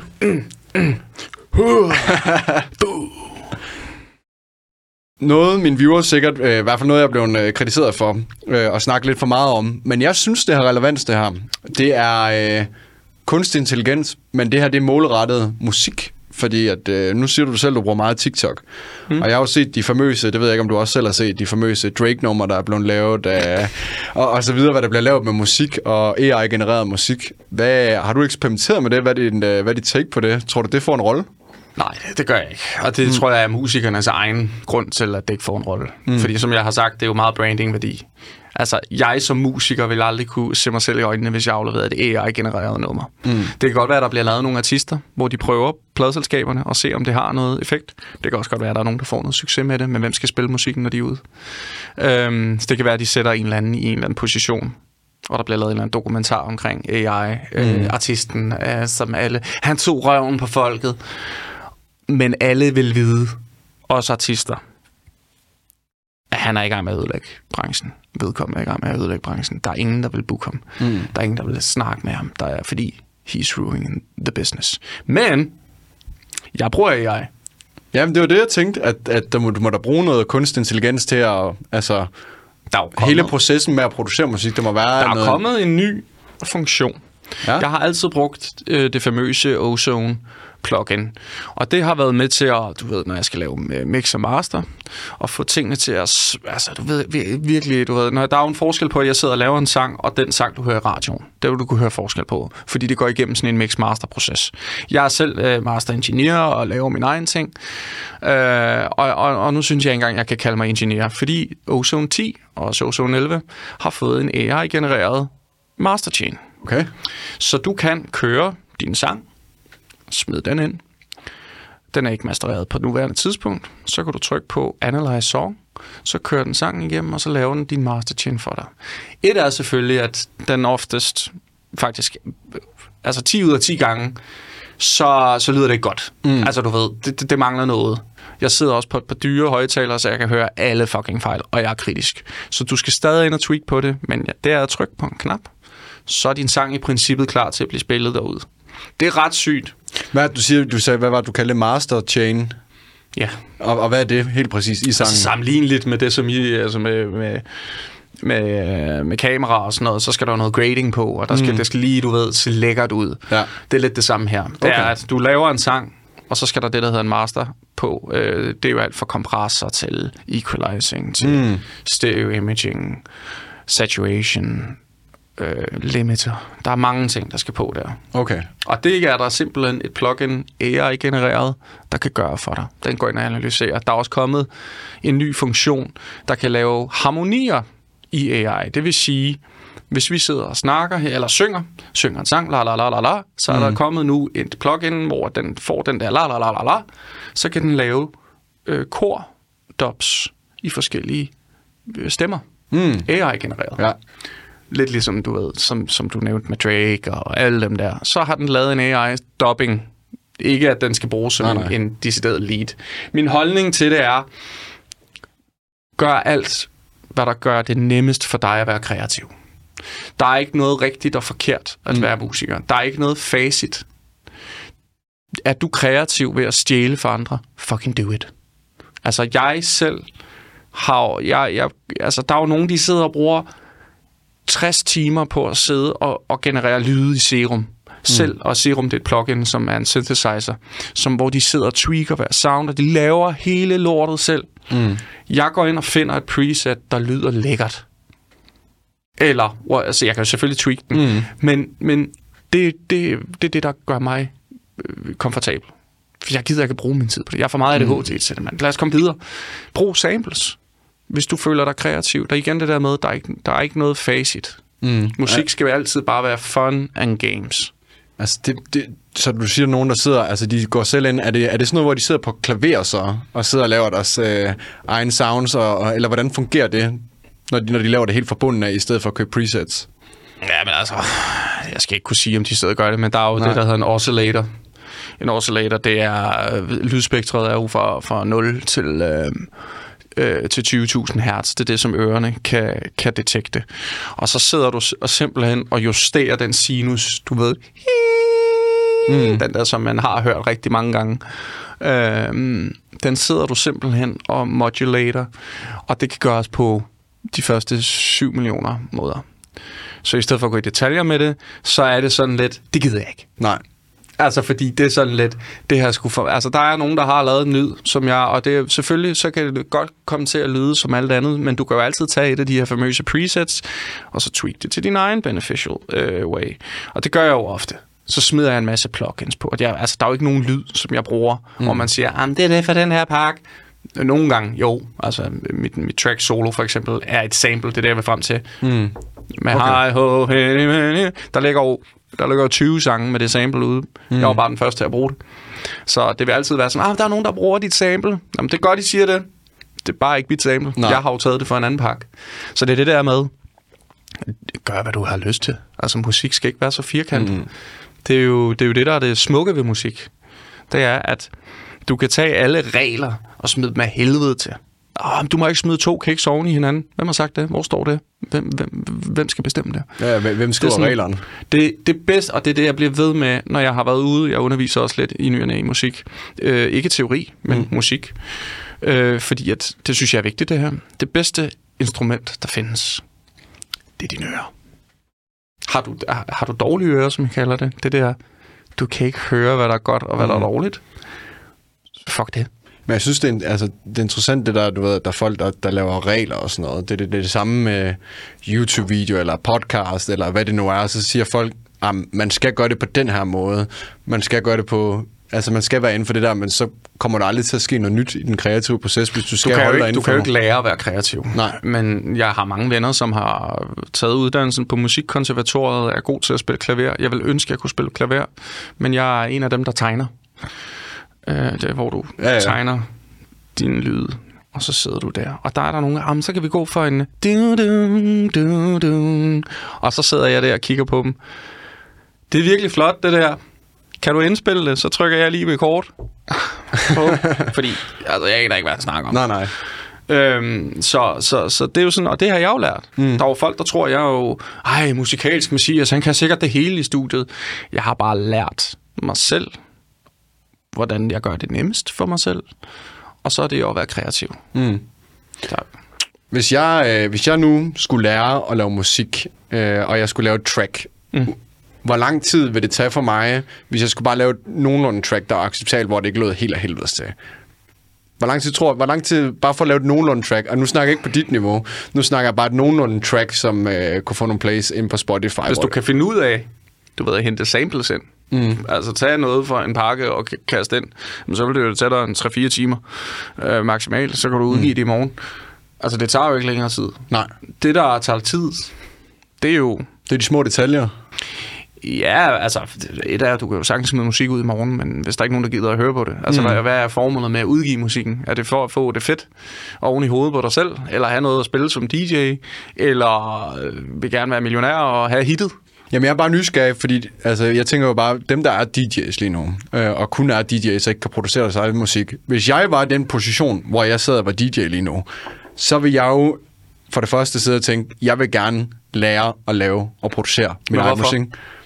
For jeg synes bare, det er fedt, fordi altså, jeg er også en kreativ person, så jeg synes, det er kreativt i, at man kan sige, hold kæft, det har jeg siddet og lavet, det her, det er mit værk ikke? Mm. I stedet for kun at tage andre, som man har sit egen. Det synes jeg personligt er fedt. Så hvis jeg allerede har en karriere inden for at være DJ, mm. så vil jeg synes, det er næsten et must at kunne det andet. Øh, Men det er jo der, hvor den klipper lidt for mig. Og der bliver jeg nok en sur gammel mand at høre på. Så er det det helt forkerte take på det. okay? Fordi du skal lave musik, fordi du har passion for musik. Mm. Et er, at du har lyst til at lytte til musik og spille noget og føle den der, ej, men der er nogen, der synes, det er nice, når det er mig, der har lavet det. Så gør du det for det helt forkerte. Mm. Jeg synes, det fedeste i verden, og der er det jo bare mig, der er firkantet. Det fedeste er at sætte sig ned, og så bare sidde og lytte.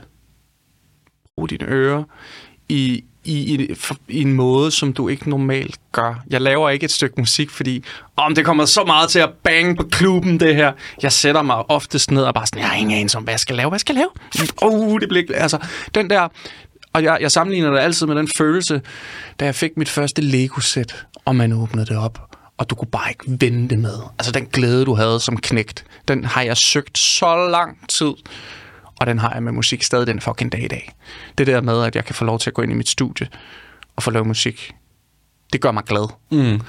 At det så, at det er kun plus, at jeg kan få lov til at spille det, og, og folk giver, giver en reaktion, men det er jo ikke derfor, jeg laver det. Nej, nej. Altså, jeg har lige lavet et par numre, hvor jeg får fucking kuldegysninger af, hvor, og der kommer jeg, at jeg er den sygeste, men jeg gør det ikke for nogen andre end mig selv. Mm. Altså, det er jo sådan, at det er jo bare, det er jo bare positivt, der er andre, jeg kan lide det. Hvis du er DJ, jeg vil altså hver en tid sige, producer 1, DJ nummer 2. Ja, lige præcis. Den omvendte, så gør du det for det forkerte, fordi når du er DJ, så vil du bare gerne have den der, øh, hvordan kan jeg stige i pris? Jamen, så skal du begynde at lave musik. Åh, så skal du til at lave YouTube-videoer. Åh, men det gider jeg jo ikke, jo. Mm. Altså, jeg er jo producer et, og fik at vide, vil du tjene nogle penge? Og det kan jo være dejligt, øh, ikke at være broke resten af mit liv. Så skal du være DJ. Åh, oh, skal jeg til at lære det? Øh, og der kan man jo så sige, der er jo nok så nogen, der er DJ's, der vil sidde og sige, "Jamen, så modsiger du dig selv nu. Jeg har ikke passion for at være DJ. Jeg har Mm. aldrig sagt, at jeg har passion for at være DJ. Mm. Men det hører sig til, hvis du vil være artist. Ja. Og for mig, der er jo musikken passion. Så ja, altså, mange DJ's har jo også passion for, musik, for, for, for musikken, men man kan ikke finde ud af det. Og så mm. finder man jo bare en co-producer. Så finder man en, der kan være hænderne, og du har idéerne. Det synes jeg er fair nok. Mm. Det er der mange, der gør. Altså, det var heller ikke for at sige, altså, jeg vil ikke lave musik, men jeg var sådan, jeg prøver bare at sætte mig ind i det der med, hvis jeg nu har en karriere som, som DJ, øh, og laver det her, så... Det tager jo tid jo. Ja, det, det, det, det, det, er jo det. Jeg brugte 8 timer hver dag på at sidde og lære om en multiband-kompressor. Altså i dag, så øh, de, de unge har jo stress. Mm. De vil jo vil gerne være superstjerner i morgen. De ved ikke, hvor lang tid det tager at lære om, og, og, hvordan en limiter, og hvordan equalizing, og det der med, det, med, med lydspektret, mm. hvor, hvor, hvad for, hvad for en, en hertz ligger en kvindevokal i, og sådan nogle ting. Det er super vigtigt, at mm. man har musikforståelse, fordi så gør det dit arbejde nemmere. Ja. Øh, men det gider folk ikke lære. Nej, folk lige tager shortcut uh, uh, nu, tror du? Altså, er det, Ja, folk ja. de gider ikke alt det der, øh, den lange proces og Nej, men det er jo også måske. blevet nemmere. Altså, enhver knægt øh, med en laptop kan jo blive superstjerne DJ i princippet. Mm. Martin Garrix, han startede også ud med at have Fruity Loops på sin Acer bærbar og lave Animals. Jeg har jo også startet sådan. Jeg er stadig sådan. Mm. Mit studie er min laptop. Så når folk tror, at vi sidder i million dollar studios, nej, nej, vi har måske udstyr, der koster meget. Mm. Men vores studie, det er den her lille firkant. Det er ret sygt. Ej, jeg lød alligevel som en sur gammel mand. Nu, øh, nu, nu kommer de til at skrive til dig om ekstra Ja, ja, og så er jeg ekstrabladet efter mig igen. Faustik, sur gammel mand. Faustik øh, sviner øh, nye unge producer, de øh, kan ikke finde ud af De at lave har for musik. travlt. Ja, de har for travlt. De er deprimerede, de vil ikke noget med deres liv. Jeg er bedre end dem. Ej, det kommer ikke... Det sagde han. Prøv, prøv, prøv Ej, det, det, det, det, Det har kommer jeg ikke sagt. Det kommer ikke til at ske. Prøv at, hvis, hvis, hvis, hvis der er nogen, der skriver noget lort om det her, vil jeg blive meget overrasket. Så skal de skrive noget om min performance, fordi at, at det, så, så, så er det det, jeg synes, fordi der er sgu ikke noget, du har sagt i den her samtale, der kan blive taget... Øh, men du vil blive overrasket. Så, så, Jeg er gammel, går over. Hvor gammel er du egentlig? jeg er 27.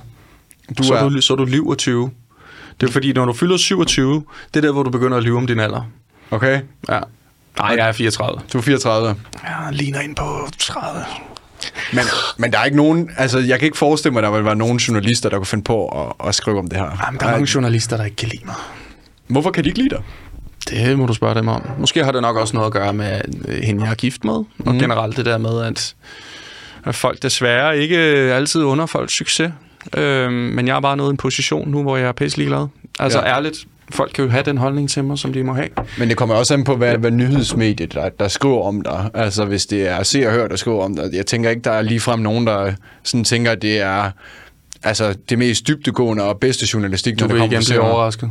Der er folks karriere, der enten er blevet ødelagt, mm. eller blevet kreeret af sådan nogle tablets, eller tabloids, som ser og hører ekstrablad og så videre. Hvis du skriver nok gange om Mm. en person i et enten negativt eller et positivt syn, så kan du ødelægge folk. Men kan Lad man os ikke- bare sige, Faustix han bliver skrevet om hver dag fra nu af, og så til mm. juleaften noget negativt.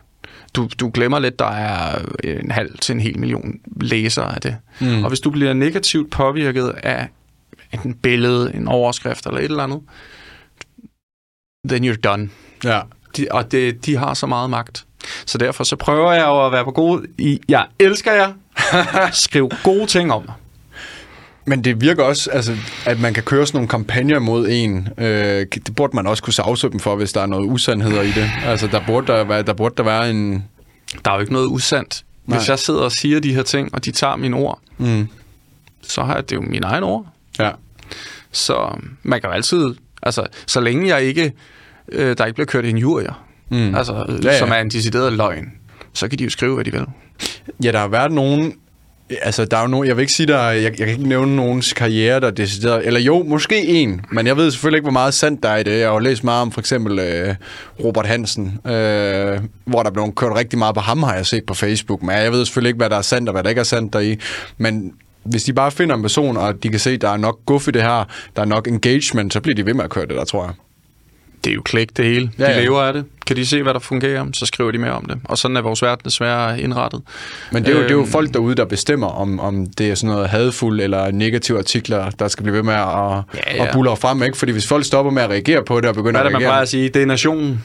Det er nation Det er, på nation, Ekstrabladet. det er nationen på ekstrabladet. Ja, men det, altså, om det så er en positiv mm. øh, overskrift, der er om mig, så vil der altid være nogen i kommentarspor, som har en holdning. Ikke? Morten, Hvem, hvem er han? Øh, ja, køn er han der ikke. Altså sådan, at jeg, holder- du bliver overrasket. Du vil blive overrasket. Jamen, der er mange Facebook-krigere. Jeg kan mærke, at vi skal have nogle overskrifter til den her podcast. Hvad skal jeg sige? Så skal du sige et eller andet... Øh, Jeg skal ikke sige, et- jeg skal ikke sige en skid. Svin en musiker, kendt musiker til. Nej, min kone hun siger til... Nå nej, det er sådan noget, jeg ikke må sige. Men min kone hun siger altid, pas nu på, hvad du siger. Jamen, det skal jeg også. Fordi ellers så kommer I efter mig. Men dig, du har ikke... Jeg, jeg vil blive overrasket, hvis der, der kom noget på, øh, på det her. Så er det lige før, at... Øh, Jamen, det vil jeg blive helt chokeret over. For, altså, den med Joachim Stender, den bliver jeg ikke overrasket over. Jeg Han også kører sådan lidt- 300 på motorvejen med sine børn. Altså at sige det, det var jo også sådan lidt okay, og han sagde også til sidst i podcasten... Kan vi klippe det ud? Nej, det, Nej. han, det var ikke det, han sagde. Han sagde, og det skal du bruge det der. Du skal bruge det øh, som, øh, som overskrift og sådan noget. Han opfordrede mig til at bruge det, så han var fuldstændig ligeglad. Øh, så ja, men hey, altså, Ja, ja, det giver jo noget eftermæl og nogle ringe i vandet. der, der men er også det er de ikke bare er derfor, ligeglade. jeg er der. Nej. jeg, jeg kører meget ordentligt. Jeg er der sindssygt, jeg kører ordentligt, men det bliver jeg sgu nødt til. Jeg skal ikke have flere klip. Morten, hvad er fremtiden for dig de næste fem år? Hvad vil du gerne? Øh, hvor ser du dig selv om fem år? Fremtiden er, at jeg spiller selvfølgelig i Danmark, mm. øh, stadig i ny og næ, men ellers er jeg i udlandet. Jeg er... Øh, Tomorrowland 2025. den har jeg allerede spillet til om fem år. Øh, Gerne om et par år. Jeg er i hvert fald efter let, eller hvad, hvad hedder det? Jeg har i hvert fald prøvet at, at udleve min, min, min udenlandske eventyrs, det drive, jeg har der. Jeg tror ikke, man kan høre det. Om det var Jamen, der var lige en ambulance En ambulance sirene. Øh. Nu kom sindssygeanstalten for at hente mig. Det er helt skørt, Faustix. Jeg har i hvert fald en drøm om at, at se min, min familie være lige så glade, som de er nu. Øh, sprede en masse glæde, og så selvfølgelig se en udvikling mm. i Faustix navn. Fedt.